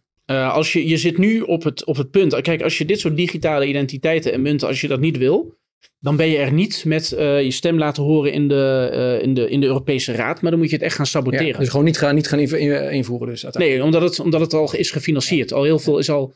Want dat is het probleem met dat coronafonds. Dat kon je dus gebruiken. Dat staat in die documentatie. Ja. Van, om, om dit te bouwen. Dus je zit er voor een heel groot gedeelte al in. En je krijgt nu wel een ongelofelijke uh, clash met je burger. Want de, een grote eurosceptische partij heeft de verkiezingen gewonnen. En die zal nu zijn beloftes moeten nakomen. Uh, ook op, op, op dit vlak, maar vooral wat het kost. Want daar zijn mensen heel erg mee bezig. Wat kosten dingen, want ik kan het niet meer betalen. Ja. Maar bijvoorbeeld... Uh, uh, um, en, ja. en daar, ga je dus op ramkoers. Ja, en, en die, Want op korte termijn zal die niet zo superveel kunnen. Dus dan gaat hij teleurstellen. Ja. Optie A. Uh, er komt geen kabinet Wilders. Dus Frans Timmermans wordt premier. Met een monstercoalitie eromheen. Die, ja, uh, een regenboogcoalitie. Een regenboogcoalitie die extreem uh, ingewikkeld wordt. Op een gegeven moment ook klapt. Ja. Maar wel akkoord gaat dan met de, met, met, met de volgende budgetcyclus. Ja. En met de nieuwe Europese Commissie. Waardoor je deze dingen dus wel krijgt. Dan klapt dat. En dan krijg je Wilders die dan 50 stemmen krijgt misschien. Ja. En dan raak je het redelijke geluid van anderen die in die commissie... Ja, dat is het, in, het reële risico. Dat, je, schuift eigenlijk, je schuift die onvrede voor je uit. Ja. En die onvrede wordt, wordt groter en groter en groter. En ik, zou de, en ik zou dat ook aan, de, uh, aan die instituten, maar ook bijvoorbeeld aan de Nederlandse bank. Ik heb, ja, ik heb Menno Broos hier uh, gezien bij jou. Ik zou als, als dat soort instituten, die moeten zich echt afvragen of doorgaan. Kijk, je hebt juridische haakjes om door te gaan met die appjes bouwen. En ook met die digitale munt. Ja. Ik denk niet dat je dat moet doen. Hey, ik denk dat als je dat doet, dan ga je op ramkoers met je burger. En je stort ze, je geeft wel degelijk veiligheidsrisico's voor die burgers. Want dit, dit is helemaal niet veilig om te bouwen. Dit kan nee. niet veilig. Nee, dat is ook dus, aangegeven door uh, die Raimi van VVD, maar ook nog andere ja. uh, technische mensen die re- regelmatig jou mailen met, met rode vlaggen van Arno. Ehm, maar, Absoluut. Dus even. maar zo Menno Broos bijvoorbeeld, die heb ik hier aan tafel gehad. Ja. Eh, ik, ik, ik denk dat hij eh, oprecht intenties heeft en dat hij misschien ook Ja. niet beseft wat voor eh, dystopische consequenties uiteindelijk zijn ehm, project kan hebben. Maar jij maakt een mooie video over de video die ik met ja, ik kon dat niet kun Sorry. je- ja. wa- waarom praat je dan niet zelf met Menno ook? Dat we gaan ehm, de. Het, kijk, nu is kerst. Hè. Mensen zijn niet zo. Eh, die, zijn, die zijn met allemaal eh, eh, gekkigheid bezig. eh, ehm, met, het, sorry, met, met de familie en weet ik wat. Ik ben, er, ik ben er echt voorstander van. Maar dat moet ook vanuit de Europese Centrale Bank vooral komen. dat je wel in gesprek gaat met mensen die kritisch zijn in lidstaten. En dat we daar iets mee gaan organiseren. Of ik kan een, En dat een, kunnen- een debat modereren tussen jou en Ja, Menno. dat zou ik best kunnen wel we dat kunnen doen. Dan doen we, dat, doen we het in een café. Maken we er een alcoholvrij café. Ja, dan, dat doe ik niet aan. Dan moet als Eh, tegen dan, dan gaan we ja. ook een. Maar kijk, daar, kun- daar kun je iets mee doen. Dus zeg maar, als je zegt de polder is gepolariseerd. eh, dat mag een tandje minder. Laten we Ja, die het, is, debatten het is doen. makkelijk om over iemand te praten, maar met iemand praten is natuurlijk een Waarom? Maar daarom, dat zeg ik er meteen bij. Ja, ja, ja. Dus ik, kijk, ik had. Ik vond het leuk hoor dat je het deed, maar ik, had zoiets van ja, weet je, je kan een video maken over mijn gesprek, of je kan hem zelf. eh, de, of een gesprek over. Ja, Spreken. dat, dat gaan we ook absoluut doen. Kijk, in, in dit geval, eh jij had hem uitgenodigd. Ik had toen een gesprek opgenomen met Tim Douwsma, zo'n acteur. ja. Eh, en eh, dat was honderdduizend keer bekeken. Jij vroeg van, nou, wat voor, eh, aan Menno Broos, wat vind je daar nou van? En eh, leuk, kijk je zoiets? En dat keek hij wel niet, Ja, ja. maar vooral wel. Ja. En toen zei hij een beetje van, ja, nou, hij wilde dan vertellen hoe het wel zat. Dat zei hij letterlijk. En DNB had een rapport geschreven over digitale euro. Waarin stond dat ja, maar je, je, je CBDC kunt reserveren voor zorg. Ja, maar, jij, ja, maar jij verwijst naar heel veel rapporten, maar je bent ook aan het cherrypicken. Want een aantal rapporten zegt, zegt DNB, bijvoorbeeld BIS is bezig met een pilot eh, samen met de, de Zwitserse, Zwitserse Nationale Bank om een privacyvriendelijke CBDC te, te ontwikkelen. En of het gaat gelukken, weet ik niet, maar dat zou als volgt werken. Dat als ik dan als, eh, bij, bij een commerciële bank zou ik het dan kunnen afnemen. En die eh, commerciële bank geeft dan CBDC uit aan mij. Ik krijg een saldo bij, eh, maar ze weten niet uit welke tokens dat bestaat. En daarmee kan ik dan anoniem betalen aan een merchant, aan een winkelier. Die krijgt dan CBDC binnen, maar ziet niet dat het van mij komt. Dus Hij er zijn- winkelier als in de bakker om de hoek. Ja, bijvoorbeeld. Hè. Ze zijn, kan ik toch ook con- contant betalen? Nee, oké, maar ze zijn, zijn aan het kijken, aan het experimenteren of er misschien een soort van digitale variant op.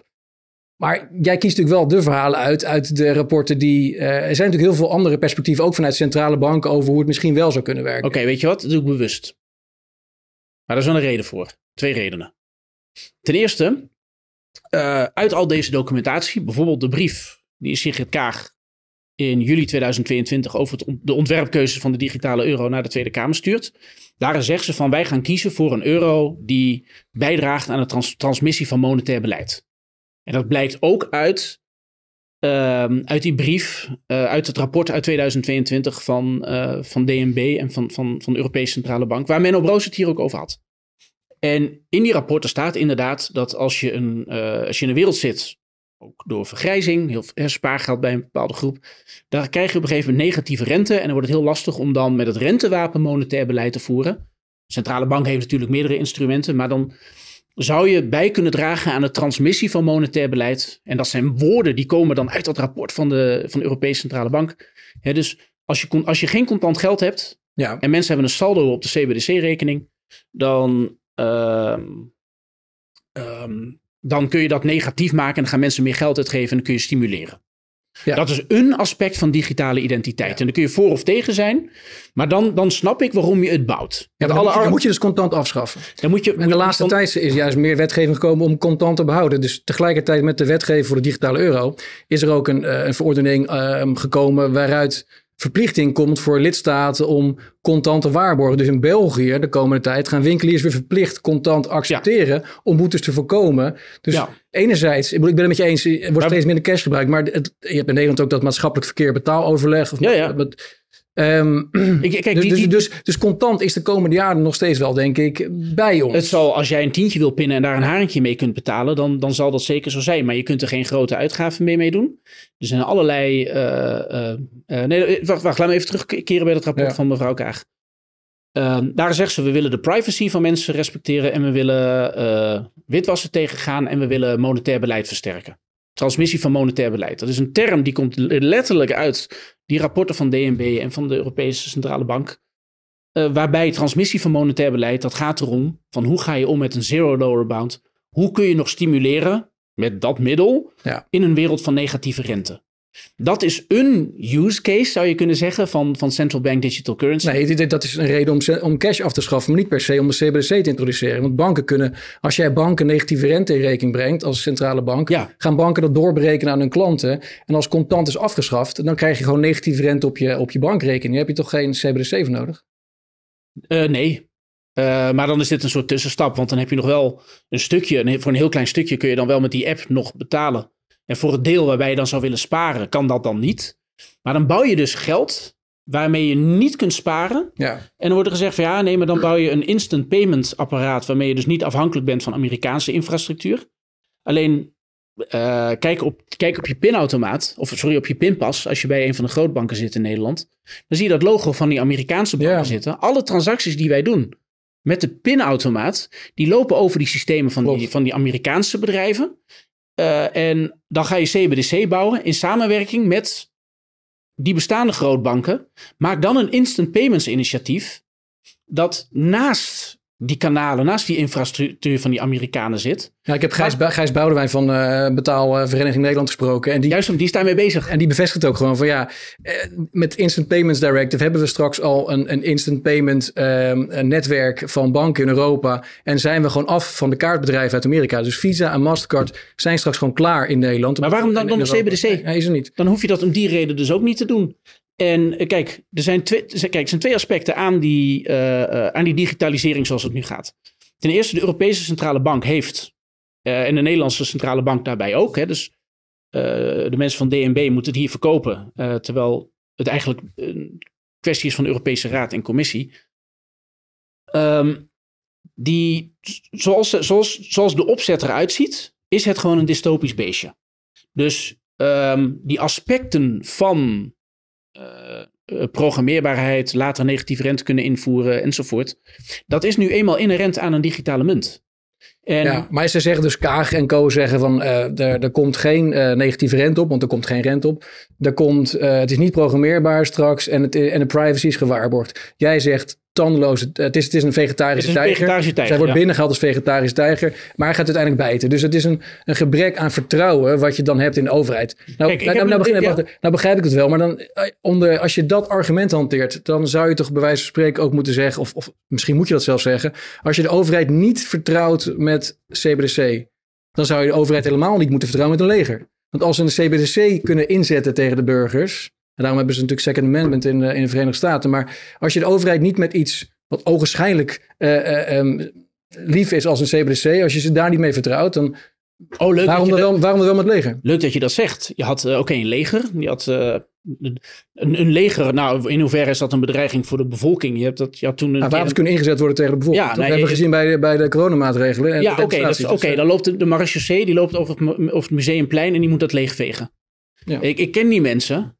Want je, je hebt toch, als je met grensoverschrijdende dingetjes, zou ik maar zeggen, bezig bent. Je weet wie wie is. En ik, heb, ik, ik zie ze, ik weet wie het zijn, we spreken elkaar later. Je kijkt elkaar door, ik ken elkaar door de helm heen. Zij baalden ervan. ja, Als een soldaat een stok moet gebruiken om een oud echtpaar van straat te meppen, omdat ze toevallig een wandelingetje willen maken, omdat je aan het museumplein woont. De marechaussee die dat doet, die krijgt vroeging.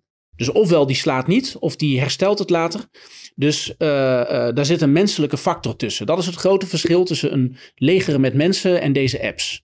Deze apps zijn onpersoonlijk. Als je de knop aanzet, als je een algoritme loslaat op mensen eh, met bijvoorbeeld een Turkse achternaam, dan sloop je hun levens voor de komende tien jaar. Dan worden de kinderen afgepakt.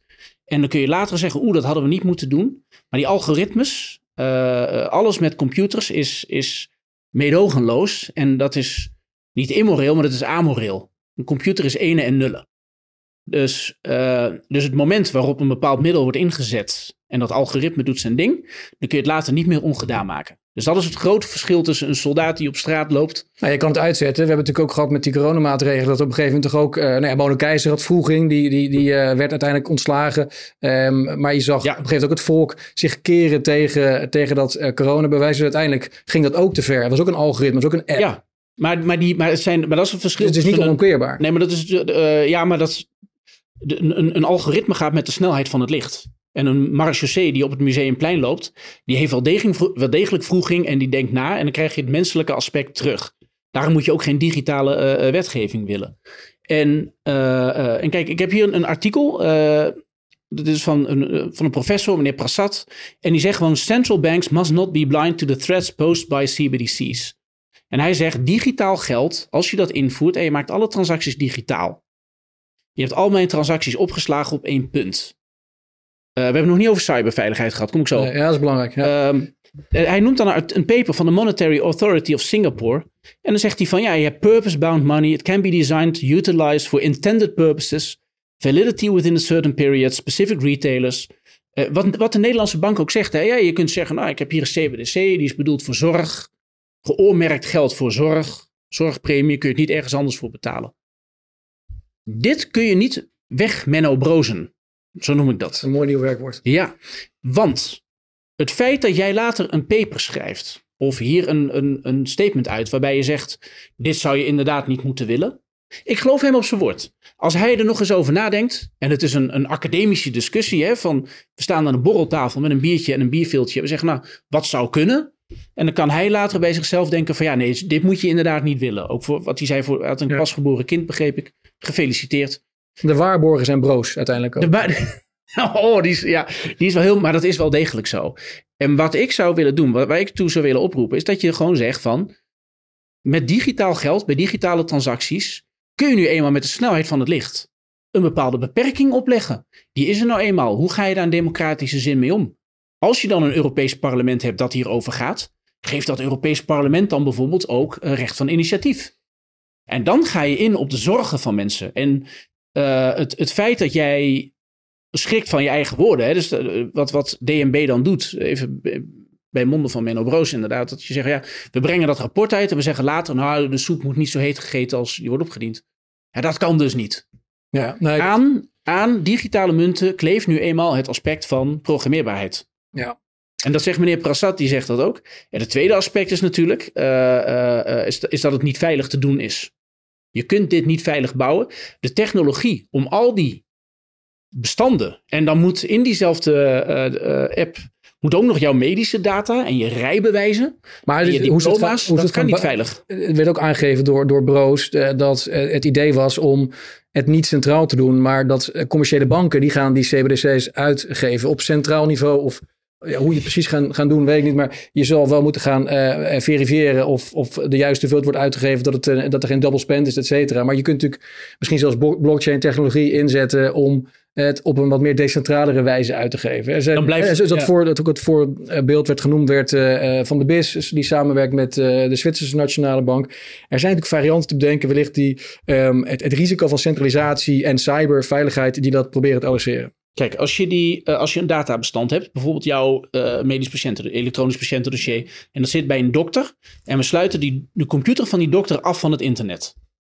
Dan kun jij naar die dokter gaan en dan kijk je samen in het elektronisch patiëntendossier op het moment dat het nodig is. Ja. Daarna gaat de dokter naar, uit, naar huis, wordt de computer uitgezet. Uh, dan heb je geen enkele koppeling van bestanden.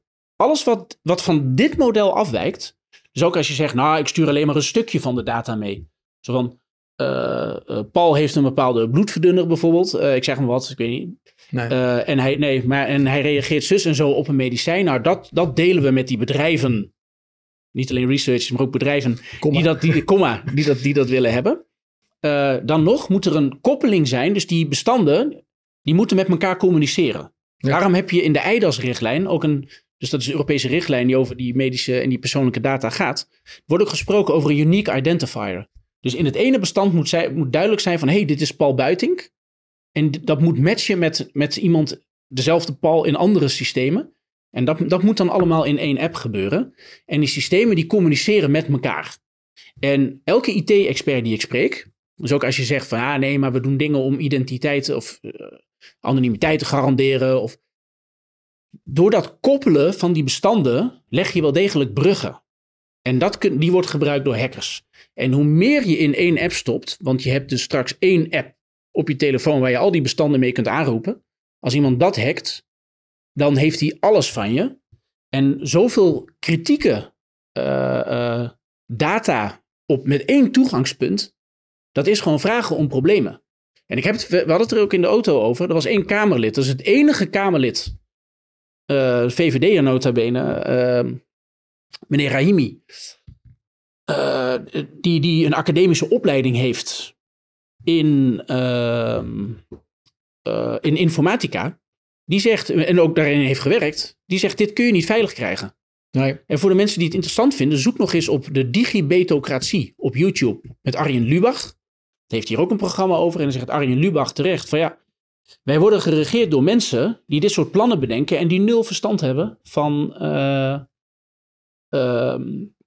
van, van computers en van IT-veiligheid. Was toch Wim Kok die met zijn, eh, was het Lubbers, die met zijn, met zijn muis zo, eh, eh, pro- die zijn muis gebruikt als Ja. afstandsbediening? Precies, en nu, en nu hadden we dus. Hugo de Jonge. En Hugo de Jonge, die moest tijdens die vaccinatiecampagne zeggen van ja, hey, we hebben alleen maar de, de, de, de, data uit de gemeenschappelijke basisadministratie gekoppeld aan de vaccinatiedata. Dus bij de GGD hebben we door wie wel en niet gevaccineerd is. Anders werken die vinken niet. Ja, even los van wat je daarvan vond. En dat werd, daar werd ingebroken, die data werden gejat. En toen zei Hugo de Jonge, zei die in de Tweede Kamer, dan zei hij van ja, ja, ik vind het echt vreselijk dat dit gebeurt. Hij zei, maar tegen criminaliteit op dit niveau, Ja. wat zij doen.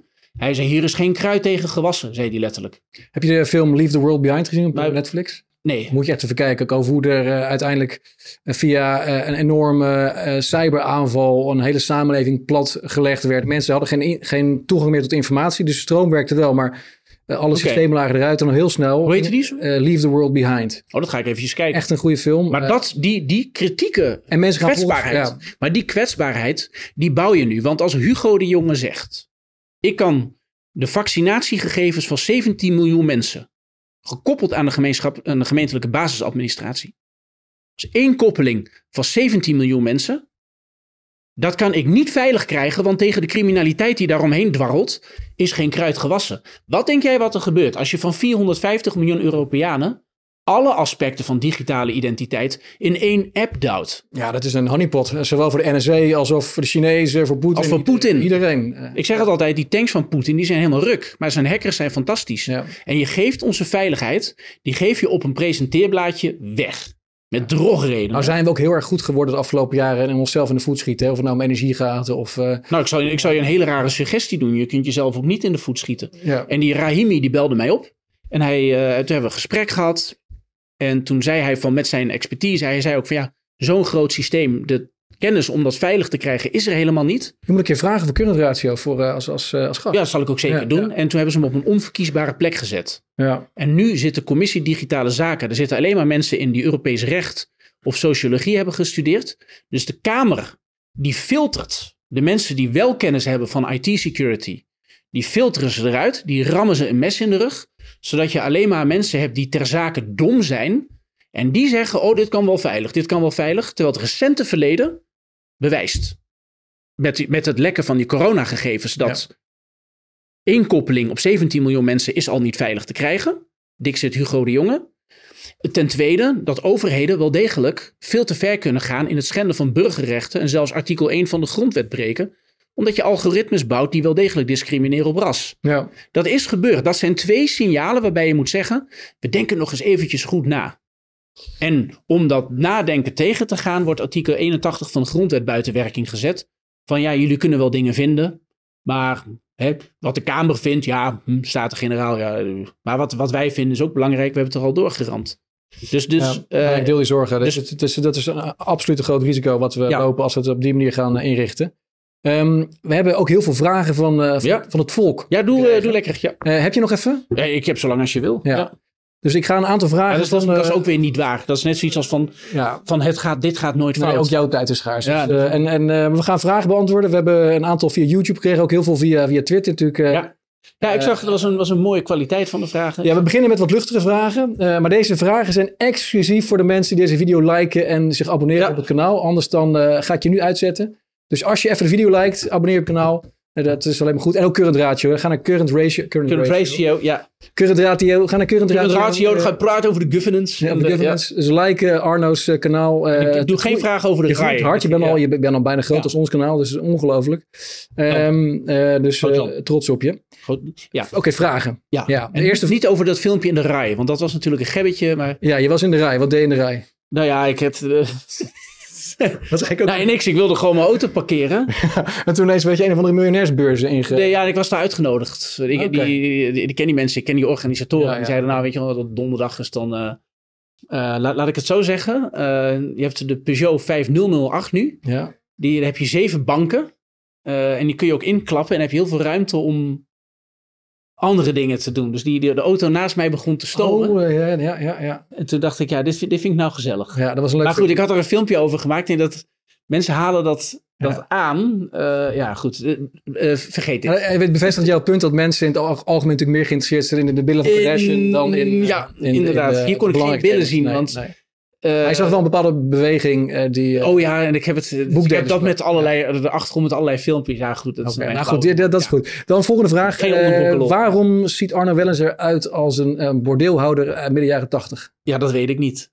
Maar dat was niet hier en nu, dat was in de auto toen wij samen reden. Toen Ja. had je een leren jasje aan. Ja, in de, in de vorige. Ja, ehm, eh, ik, ik vind daar worden mensen over in kampen geschoren. Ja, dat moeten we ook niet eh, doen richting eh, dat gilde.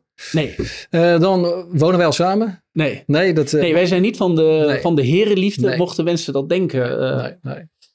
nee. Ik, ik heb je wel netjes opgehaald. ben, je, ben je dat wel, dan, ook goed. dan absoluut doe Ja. lekker waar je zin in hebt. Maar nee, Oké, dan dat waren de luchtige vragen. Dat waren de- ja. Toch belangrijk. dat was de onderbroekenlol. Ja, dan Deutsche Bank. Nog steeds niet failliet. Dat Nee, nee, natuurlijk ook een beetje iedere keer Oh, dat vind ik prima. dat, Nee, maar kijk, wat ik heb gezegd, het is technisch failliet. En dat zit met ons, dat is ons hele bankwezen. Leuk dat je het vraagt. Ik heb daar een mooi plaatje van bij me. Ehm, eh, wat er nu gebeurt is dat die banken, die maken ietsje meer winst. Omdat die rente omhoog is gegaan. Dus de, de ECB geeft eigenlijk het rentetarief door aan private banken. En als die ECB inderdaad monetary policy transmission wil afremmen, dan gooien ze de rente omhoog. Eh, en dan wordt dat doorgegeven aan, eh, aan banken die de leenklanten hogere rente in rekening brengen. Dat zie je aan de hypotheekrente.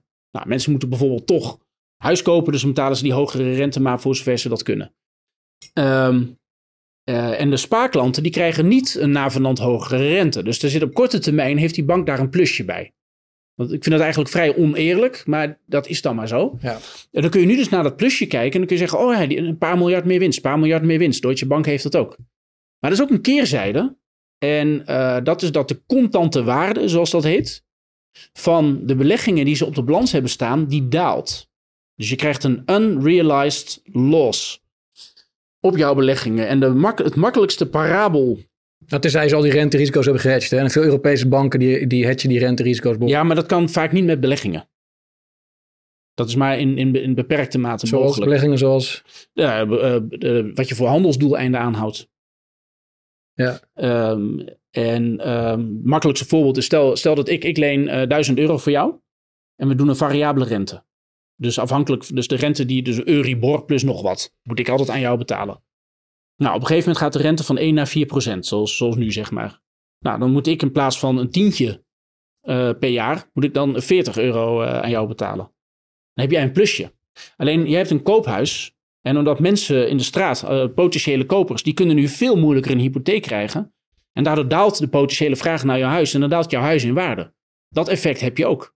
En dat effect is natuurlijk groter dan, het, dan, dan dat tientje. Ja. Dus, Maar de Europese banken hadden daar veel minder last van dan in het voorjaar bijvoorbeeld de Amerikaanse banken. Dus we, we hebben eigenlijk weinig eh, schermutselingen gezien in de Europese bankaire markt. eh, Ja. Vis-à-vis eh, Amerika. Maar dan moet, je er wel, dan moet je wel in alle eerlijkheid bij zeggen dat zodra het weer fout gaat, zodra er ook maar iets aan de hand is, is er een Europese centrale bank die alle rommel in zich opzuigt. En wie is momenteel de ziekste bank van Europa? Even los van de ECB, want dat zou een voor de hand liggend antwoord zijn. Maar eh, ja, de ECB ja. ja. Want, want de ECB die zegt eh, tegen, eh, tegen al zijn eigen banken, of te- dus de Banca d'Italia als onderdeel van het, Ja. van het eh, Euro- Europees systeem van centrale banken. Zodra Italië weer een begrotingstekort heeft tegen alle afspraken in, dan zuigt die ECB, dat zie je gewoon in de boekhouding gebeuren, die zuigt alles in zich op. En dat is echt een vorm van oneerlijke concurrentie. Dus als Italië 600 miljard euro aan schuld uitgeeft, eh, tegen de regels in, want ze zouden dat niet meer doen, dus ze zouden belastingontwijking tegengaan. Dan gaat daar tijdens die coronapandemie nemen Italianen, rijke Italianen, die dan eh 10 biljoen aan vermogen hebben of zo, die kopen dan voor 2 miljard euro die obligaties. En de rest gaat linea recta naar de ECB. Dus dan creëer je zo'n kunstmatige vraag naar, die, naar dat waardepapier, waardoor het zo hard omhoog gaat. En de huizenprijzen die gaan mee. Hij ziet nu al dat, dat de ECB verliest ook heel veel geld op, die, op dat, dat Zweedse vastgoedbedrijf dat in de problemen gekomen is. Ja, ik, Ehm, ja. Ik zag daar iets van. Daar, daar, daar, verliest de ECB dus heel veel geld op. Dus de ECB als, als regulator zegt enerzijds tegen al die banken... En je moet Doe maar voorzichtig. je moet hedgen, je moet dit en dat. Ja, niet, niet, dus, ja, dus niet, het eigen huis totaal niet op orde. Dus Klopt. Is, ja, dus ze zeggen, doe maar, doe maar niet te veel drinken, want dat is niet goed voor je. Maar als je hebt gezopen, dan rij ik je naar Ja, huis. het is een pyromaan die overal uh, brandblussers uh, uh, vraagt bij, bij ehm, deelnemende bedrijven. Ja, en dan heb je ook nog een Europees, of je hebt ook nog een, een depositogarantiestelsel. Dus als jij je afvraagt, wat moet ik met 100.000 euro? Ik ben bang voor beleggingsverlies. Als je dat als spaargeld hebt, spreid het over twee banken. Ga naar Deutsche Bank en je weet zeker dat het, het wordt gedekt. Maar dat is wel vals spelen. En dat vals spelen, dat betekent dat je een extreem agressieve Europese centrale bank hebt. Die gewoon hele markten verpest. Zoals de huizenmarkt. Hu mensen kunnen geen huis meer krijgen. Nou. Dat is je prijs. Dus de, de, de verstoorde waardevorming in je samenleving door het gemanipuleerd met rente. Ja, Maar die banken op zich, ja, die worden Ja. wel gered als het puntje bepaalt. ja inderdaad. Dus, dus technisch eh, is het allemaal eigenlijk al door de hoeven gezakt. Maar optisch wordt het allemaal met allerlei programma's eh, Ja. eh, in leven gehouden. Eh, want eigenlijk mogen banken gewoon niet meer kapot. Nee. In Europa althans. En misschien moet je eens kijken of er een manier is van... ik zag ook, je had Arnoud Boot geïnterviewd en dan kwam er ook wel een beetje aan bod. Ja, die zeiden erg we echt, alles gaat richting eh, centrale banken, zegt hij. Dat wordt, Ja. dus eh, er steeds meer macht wordt die kant Ja. op gestuurd. Nou, als je, dat, als je daar wat van vindt, zou je dan niet kunnen kijken of er iets mogelijk is van deleveraging? Ja, Zeg maar dat je versneld hypotheken gaat afbouwen, dat je toch binnen Europa gaat kijken. Kijk, ik weet het ook niet. Hè? En ik weet ook wel dat als ik dit hier nu voorstel, het recente verleden laat zien, dat het, eh, dat, dat tegenvalt in hoeverre die afspraken werken. Maar als je dat steeds laat escaleren, dan krijg je er steeds meer schuld. En dan moet die centrale bank dat maar weer oplossen met nog een reddingspakketje. Gaat echt duidelijk één kant op. En dat heeft grote sociale gevolgen. Dat heeft grote sociale gevolgen met als neveneffect dat die banken voorlopig overeind blijven. Ja. Dat is het antwoord op de vraag. Goeie, eh, goed antwoord. Ehm, dan de volgende vraag. Eh, hoe, hoe jij je wapent. Je, je leest veel, je weet veel. Eh er komt toch een soort van reset aan. vermoedelijkerwijs. Oh, dat- dat was die, uit die vorige vraag. De, Ja, noem het de Great Reset, noem het de Big Reset, noem het de, ehm, de, de, de Euro Reset. Ehm, ik zelf denk dat, dat die euro uiteindelijk onhoudbaar is. Ja. En ik denk dat je er zelf, dus even los van wat jij persoonlijk eh wilt doen, denk ik dat we als samenleving, als Nederland, de verstandig gaan doen om ons te realiseren dat we op een weg eh, zitten richting die onvermijdelijke schuldenunie, die uiteindelijk eh, dan gaat klappen, omdat er Ja. te, weinig, te weinig draagvlak is vanuit de, de noordelijke landen met name. ja, Dus want, dan, en want dan ja. worden mensen hier echt lekker. Ja, en als je dat weet, als je dat weet, moet je je gaan voorbereiden. Als land, als gezin, als persoon, als bedrijf. Maar ook als land kun je natuurlijk stappen zetten. En ik, ik heb daar veel van geleerd, eh, ook eh, van onze eh, wederzijdse vriend eh, Sas van Elslo. Die hier ook in de, in de show geweest is. Je kunt ehm, alvast als land bepaalde, of, of als pensioenfonds of als whatever, bepaalde stappen zetten. Je kunt bijvoorbeeld heel erg je euro-verplichtingen gaan laten oplopen. Dus je moet eigenlijk net als... Oh ja, daar ben dus we hebben dan weer die, ja. het, het grasveld en de koeien en de, en de, en de kroeg. Je Ja, moet- absoluut. je moet het de- op een grazen gaan zetten. Ja, Ehm, en, en niet alleen dat, je, je kunt ook juist dat geld wat je dan binnenhaalt, kun je gebruiken om strategisch kerncentrales te bouwen. kerncentrales bouwen, wegen bouwen, ehm, eh, goud kopen, bitcoin kopen, olie kopen. ehm, en investeren in, in, het, in het land, omdat je dan op een gegeven moment bent voorbereid voor een, eh, voor een, een post-euro tijdperk. Dus eigenlijk een soort van preppen op, op, op een soort Ja. van, van preppen een nationale volksport maken. Dat is, dat, maar wat, wat vind je ervan? A en B, eh, hoe gaat het in het, eh, in, in, in familie, bij de familie Wellens aan toe qua, qua Oh. voorbereiding? Eh, nou, kijk, laat, laat ik het zo zeggen. Die, ik denk dat je. Ik ga die twee samenvoegen. Ehm, de, waarschijnlijk ga- gaat het. het- kijk, de dingen die wij besproken hebben. En waarvan je zegt, nou ja, je kunt niet oneindig lang doorgaan met geld bijdrukken enzovoort. En eh, ja, die huizenprijzen die gaan door het dak. Mensen worden boos. Mensen worden aantoonbaar veel, veel, veel bozer. Dat geeft polarisering. Je gaat ze allemaal dingen een beetje door de strot douwen die ze niet willen, worden ze nog bozer. Ik heb het idee, dat ook met een Wilders, dat dat de komende paar jaar niet afdoende in de wielen wordt gefietst. Ehm, en dat je dus doorgaat eigenlijk met het groter maken van het kaartenhuis. Ik noem het altijd de spreekwoordelijke bankier die veel te veel drinkt en op de bar staat te dansen. En op een gegeven moment heeft hij tien bieren, vijf sambuca op. Toch er weer- toch weer een toch- toch drankmetafoor, weer een toch weer een drankmetafoor. Meneer. Welling. En, eh, en dan zeg je, en bij de 23e biertje daarna zeg je, van, hij valt nog niet om. Daar zit ik nu een beetje in. Ja, als je historisch kijkt bij recent, renteverhogingen zoals we die recentelijk hebben gehad. Elke keer als je zo'n renteverhoging hebt, heb je, heb je daarna toch wel een, een, eh, een economische knauw, zeg maar. En dat, dat blijft nu uit. Ja, en de rente gaat er weer naar beneden. Dus misschien eh, komt het allemaal krijg je een zachte landing. Je bent weer veel te, je bent weer veel te Ehm, boemerig. Het komt allemaal goed. Nou ja, je hebt, je hebt de wel, rente gaat naar beneden, niks aan de hand. je hebt wel een, een tijd een, een investeringstekort gehad. Eh, er zijn heel veel huizen niet gebouwd. Je ziet fabrieken, ook in Duitsland, gecombineerd met het afknellen van die financieringsmogelijkheden en strengere regels. Uh, dat er toch echt wel dingen gebeuren in de reële economie die niet zo fijn zijn. Hier een Alkmaar groot bouwproject afgeketst. Duitse autoproductie is sinds de pandemie blijvend met een derde verlaagd. Elektrisch of niet. Dus dat zijn allemaal dingen waar die, die voor de toekomst. Hè, dan heb je misschien geen zachte landing, maar dan kan die pijn uitgesmeerd worden. Of sorry, geen harde landing. Dan wordt het een, een, een zachtere landing, maar wel met langere. Uh, ja, een zachte landing waarbij het vliegtuig daarna niet meer weer opstijgen. Ja, zoiets. Ja. Oh, een mooie uh, woordspeling. Kijk, wat, wat ik persoonlijk doe. Uh, kijk, ik ga sowieso nooit beleggingsadvies geven of, of iets. Ik zeg nooit van je moet dit of dat doen met je geld. Behalve uh, ga naar een bank die, in, die mogelijk in de problemen zit. Als je minder dan 100.000 piek spaargeld hebt. Ga daarheen, stallen daar. Want de overheid die garandeert het. Alleen zit je dan wel met negatieve reële rente. Maar dan ben je van de stress af. Want vind je van die initiatieven zoals Raising dat je het kunt eh, stallen bij een Europese bank naar keuze waar je dan meer rente krijgt? Als je dat uh, even in zijn algemeenheid kijkt. Men, nogmaals, mensen moeten dat zelf uh, kijken. Of, want dan moet het misschien ook langer weg. Uh, het is wel zo dat dat soort initiatieven, dan moet je dus toch een hogere rente bieden om mensen te trekken. Dus dan gaan die, die kapitaallasten, die gaan dus toch wel wat omhoog. Voor bedrijven, voor overheden. En nogmaals, ik, dat zou volgens mij toch nog wel eens een keer wat effecten moeten hebben in de vorm van een recessie. En voor dat langere verhaal, en ook in politieke zin, uh, ik ga niet uh, weg of zo. Hè? Uh, ik zou niet uh, uh, zeggen van nou, dan gaan we naar een ander land. ja, maar dat is wel een beetje het ding nu. Hè? Je steeds meer mensen die vertrekken dan gaan naar Hongarije of Spanje of, of anderszins.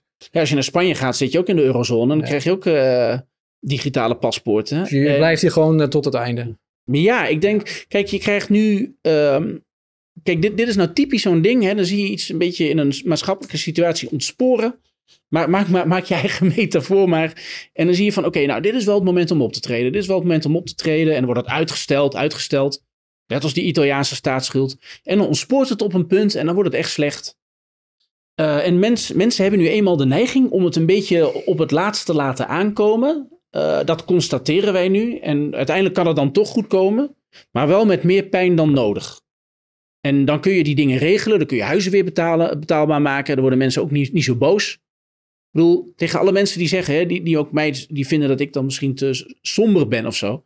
Wat denk je dat het met je samenleving doet als je tegen, tegen de werkende middenklasse zegt: Jouw kinderen krijgen geen huis. Maar je ziet nu al dat, Hoe lang denk je dat die samenleving vreedzaam is? je ziet nu al dat, dat, dat veel twintigers en dertigers uh, niet eens meer kinderen willen of kunnen krijgen. Nee. Dus, uh, enerzijds heb je baarschaamte van het klimaat. Nou, dat, ja. dat, uh, nee, het is vooral, maar, vooral dat maar het is vooral economisch. Dat ze gewoon er niet ervan overtuigd zijn dat ze een, een, een stabiel huishouden kunnen vormen met een huisje en, ja. en, en, voldoende inkomen. Maar dan, dat dan, diep triest. Dat is diep triest, dat is afschuwelijk. Want daarmee ga je, je demogra demografisch ben je dan gewoon een, een tijdbom uiteindelijk. Ja, en mensen worden, wat ik zei, die worden hartstikke boos. Ik vraag wel eens, op wie ga je stemmen? Wordt het dan Thierry, Geert of Caroline? En dan zeggen ze, dat zijn alle drie, uh, die zijn veel te links. Ik wil iets, zo, oh je wil, je wil uh, wat dan? ja, dat is er nog niet. Dus die, die samenleving en die, die, die, dat ongenoegen, de, de, de, de, er zijn nu de kwaliteitskranten, zeg maar, die, die zijn weken bezig met allerlei columns over de PVV-stemmers en ze worden met chimpansees vergeleken, las ik in het NRC. Zo van, ja, chimpansees heb je ook agressieve types die dan soms winnen en zo. Uh, ga toch eens in gesprek met mensen, kijk wat er speelt. En als je het beeld van een veilig huisje, boompje, beestje, als je dat weghaalt bij mensen. Van werk nou maar hard, maak je school af, krijg je een mooie baan als, uh, weet ik veel, ga je zonnepanelen installeren desnoods. Uh, maar dan krijg je daar een huis mee. Ja, krijg je niet. Uh, dat zul je moeten oplossen. Ik zie dat nog niet gebeuren. Ik zie dat Geert Wilders ook op korte termijn geen knopen gaat doorhakken. En als je geen kabinetje kan bouwen, dan wordt Timmermans het. En dan krijg je de regenboogcoalitie die nog uh, uh, kwetsbaarder wordt. Um, um, toch moet je, je moet niet vluchten, je moet het niet hebben over weggaan. Want ga je naar een plek waar ze ook dit soort dingen hebben. Dit is je land dit hebben wij, dit is onze erfenis. We hebben zoveel Er is zoveel, er is zoveel talent, moois. We hebben zoveel geestdrift en, Ja. en, en eh, originaliteit. En, eh, ja. Er is zoveel goeds, ook in de economie. Er zijn ja. zulke sterke bedrijven. Daarom ben En- ik ook positief. Ik kom vaak somber over, ook van Ja. de business waar ik in zit. Maar ik ben van, van huis uit eigenlijk een hele positief ingestelde kerel. Ja, hou gewoon je hele reële economie zo. Ja. En scheur die stomme hypotheken door midden. En, en maak er een fuck de bankenunie van. En is het ook nog tijd dan als laatste vraag? Want we, ik, ik weet eh, dat we op een tijd gegeven bezig zijn. Op een gegeven moment heb je wel natuurlijk eh, andere Oh, ja, verplichtingen. Ehm, eh, er wordt ook veel gesproken in, in de vraag over, eh, over de BRICS en dergelijke. Is het, is het dan ook zaak om andere allianties aan te gaan? Dus stel dat je eh, wat meer afstand neemt van, eh, van Brussel. Moeten we onze blik dan richten op Delhi bijvoorbeeld? Of, of Peking? Of... Hoe, oh. kijk je, hoe kijk je geopolitiek naar de situatie? Ja. Dat is best wel een grote vraag, maar... Oh, uh, ja, ik weet wat ik ga zeggen. Ik denk, kom je nou weer mee? Maar um, kijk, waar ik bang voor ben, wat mijn reëel scenario lijkt, is dat de, de, de eurofederalisten uh, tegen de zin van de bevolking in, zeker tegen de zin van de Nederlandse bevolking in. Ik zei, Rutte heeft de boel gewoon een beetje voor de gek gehouden. En dan zei hij van, nou, er komen geen eurobonds en dan gewoon uh, wel een kruisje zetten. En dat, was, dat kruisje is dan ouder dan de belofte bijvoorbeeld. Dus dan duw je je bevolking in een bepaald project met die digitale paspoorten. En dan krijg je een dystopische controlesamenleving. En die data kun je niet beveiligen. Dus Poetin gaat het een keer jatten. Dus je maakt Poetin alleen maar blijer. Um, wat, wat mij een reëel scenario lijkt, als je niet uitkijkt. En, en daar moet je dus voor oppassen. Um, is dat die dystopische effecten van de Europese Unie. Dat dat zo ver gaat. Dat het op ongeorganiseerde wijze uit elkaar klapt. En dat je dan ook bepaalde militaire samenwerkingsverbanden en, en allianties uh, openbreekt.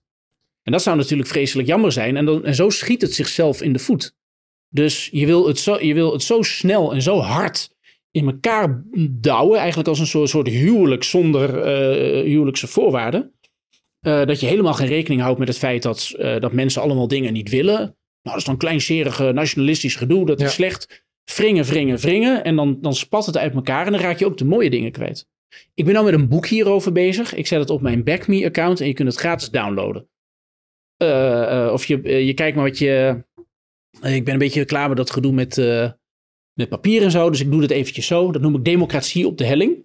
als je met deze digitalisering doorgaat, dan wordt je democratie echt anders.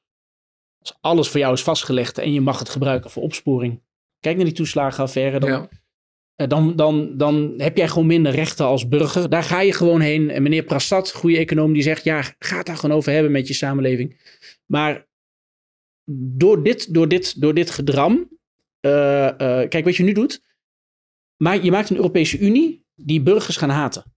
En wat ik in, in dat boekje noem, daarom noem ik het democratie ook op de helling, is dat in, tot eind jaren tachtig hadden wij de NAVO en de Europese Economische Gemeenschap.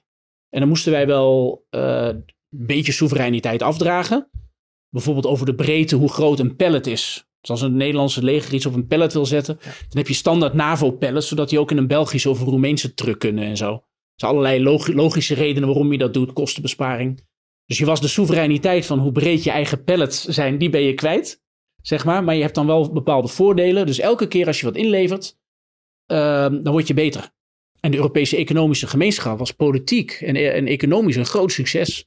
Absoluut. Dus je mag dan niet meer zeggen of de, de accijns op Amerikaanse slachtvarkens die je importeert, of dat 110 of 120 gulden is per 100 kilo. Dat wordt dan in Brussel bepaald, hè, open binnengrenzen.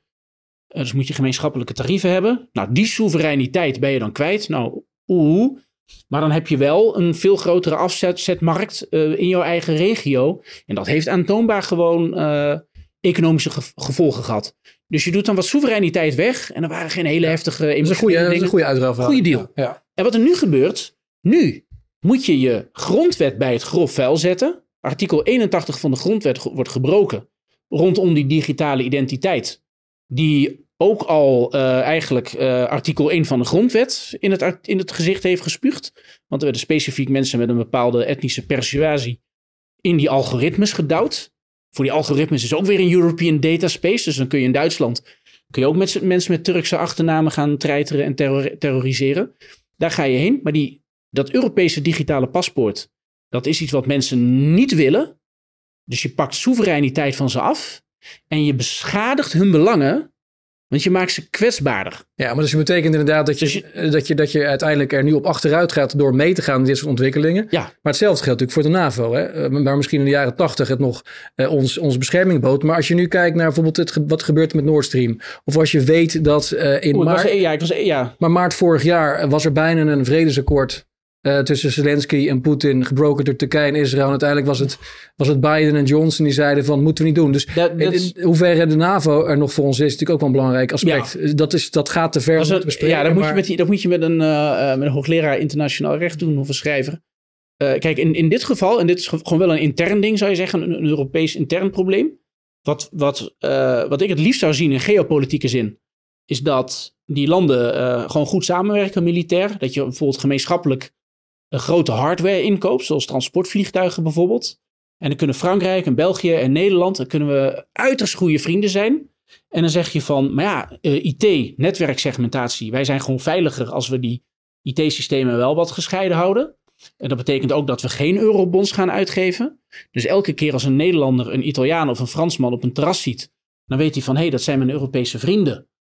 Uh, we hebben een, gewichtige uh, geschiedenis en we gaan nu samen uh, bepaalde milieudoelen halen, ik zeg maar wat, maar we worden niet tegen onze zin in, in, een, in een federatie gedwongen, ja. hè, waarbij jij moet lappen voor die anderen. Toen bij, de, bij die eurocrisis, er waren de Duitsers die gingen dan uh, weigeren te betalen in Griekse restaurants. En, uh, en dan gingen ze, en die Grieken, die als Merkel kwam, dan gingen ze allemaal Hitlers ja, plakken, gingen ze haar belachelijk maken. Het leidt alleen maar tot meer divergentie in plaats van ja. convergentie. En, en dan moet je stoppen. in plaats van een smeermiddel. Ja, je moet, en dus je moet eigenlijk, en dat, dat zou mijn visie zijn, is dat sowieso, je bouwt hier met die digitalisering een, een dystopie die de burger niet wil. Dus die gaat dat met geweld van zich afwerpen. Dan kun je ook als centrale bank zeggen, die dan bezig is met die, met die munten, van nou, als we die weerzin zien. Als wij zien dat INO Research, als die een, een steekproef doen en 8% van de mensen is voor. En je zegt dat je de democratische rechtsstaat wil beschermen. Je ziet dat mensen het niet willen, nou, dan stop je toch. Sowieso, we gaan die borrels doen met, met DNB en met de ECB. Ja, er moet wel meer geborreld worden. Er moet, er moet veel meer geborreld worden. Maar op groter vlak zou je kunnen zeggen, je gaat terug naar een economisch Europees model. Waarbij je de afspraak handhaaft van voor elk stukje soevereiniteit dat jij inlevert, zoals de breedte van de NAVO-pallet, daar krijg jij iets voor terug. En zodra wij daaroverheen gaan, stoppen we. Ik denk dat je in de comments wel weer terug zal zien Arno Wellens uh, voor minister van Financiën. Uh, nogmaals. Vaak, vaak, ik ja, weet dat je geen ambities hebt, je hebt geen aspiraties. Ik wil, ik wil dat, dat, dat, dat, dat medium waar ik mee bezig ben. Ik denk dat ik daar de mensen het meest... Ja, uh, het meest waarde toevoegen. Ja, ja, waarde toevoegen. Ik wil dat op Europese schaal doen. Ik, ik denk heel pan-Europees. Ja. Uh, alleen als ik met Europese collega's samenwerk, zie ik meteen dat er uh, allerlei taalkloven zijn die ja. dan federalisering oh, ja, heel moeilijk maken. fantastisch. Dus. Uh, dat ben ik aan het oefenen. Dus er, er, komen in current ratio allerlei verschillende talen. Ik wil het ook in het Farsi en in het Arabisch doen. Ja, ik doe Spaans een, voor jou. Hè, ja, jij doet Spaans. Kijk, we hebben ook qua immigranten, hè, we hebben een rijkdom, ook door vluchtelingen. Maar mensen met, met, met een recentere visie, een recentere brush met dictaturen. Het zijn vooral vaak Perzen en Arabieren, maar ook Turken, die, die heel kritisch zijn. Nou, wij hebben heel veel uh, klanten met een migratieachtergrond, ja. uh, allochtonen, die allemaal heel goed weten dat, dat de overheid, als het, gaat, als het, gaat, om geld, niet te vertrouwen is. En daarom kopen ze edelmetaal. Ja, en, en, ze kunnen, en je moet ze ook niet vertrouwen met, al je, met je hebben en houden. Nee. Je, moet, je moet geen database hebben waar, waar al jouw meest gevoelige persoonlijke details waar, waar, waar, waar dat in zit. Van je seksleven tot je. Tot je nou, dat, dat ligt voor jou op straat. Dus dat bij wijze van spreken, ja. nee, dat, is, dat, ja, maakt niet uit. Maar... Mooi hoe je minister hebt. Maar dat, dat, daar kun je mee afgeperst worden. Hè? Ja. Ik, ik vond het een, weer een bijzonder uh, overtuigend en compleet verhaal. Ja. nou, die NAVO, die, die wil ik even laten. parkeren we even. Ja, dat is. Uh, nou ja, ik, ook, ben ik ook niet de.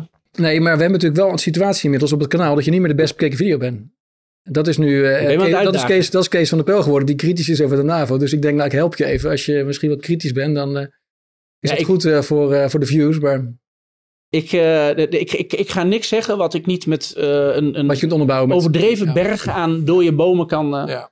Daar hou ik van. Ja. Nee, ik waardeer uh, de tijd, uh, Arno, en de, ook, ook altijd het, het goede contact uh, dat we hebben. Ik wil de kijker vragen om current ratio te, te supporten door een, door een... Ja, gewoon even een klikje. En klikje en een likeje en een duimpje. Duimpje is heel simpel. En, en uiteraard ook dit kanaal. Ik moet zelf niet wegcijferen. Arno, dank je. En ja. we doen het binnenkort vast wel een keer. Ja, absoluut. Nee, dat is de... Ik, ik ga dat ter hand nemen. Dat is voor de, ja, we gaan het de nieuwjaarsborrels met... ja, ik ben Menno Roos die doet dat, dat weet ik. Jawel, gaan we doen. Dat geloof ik.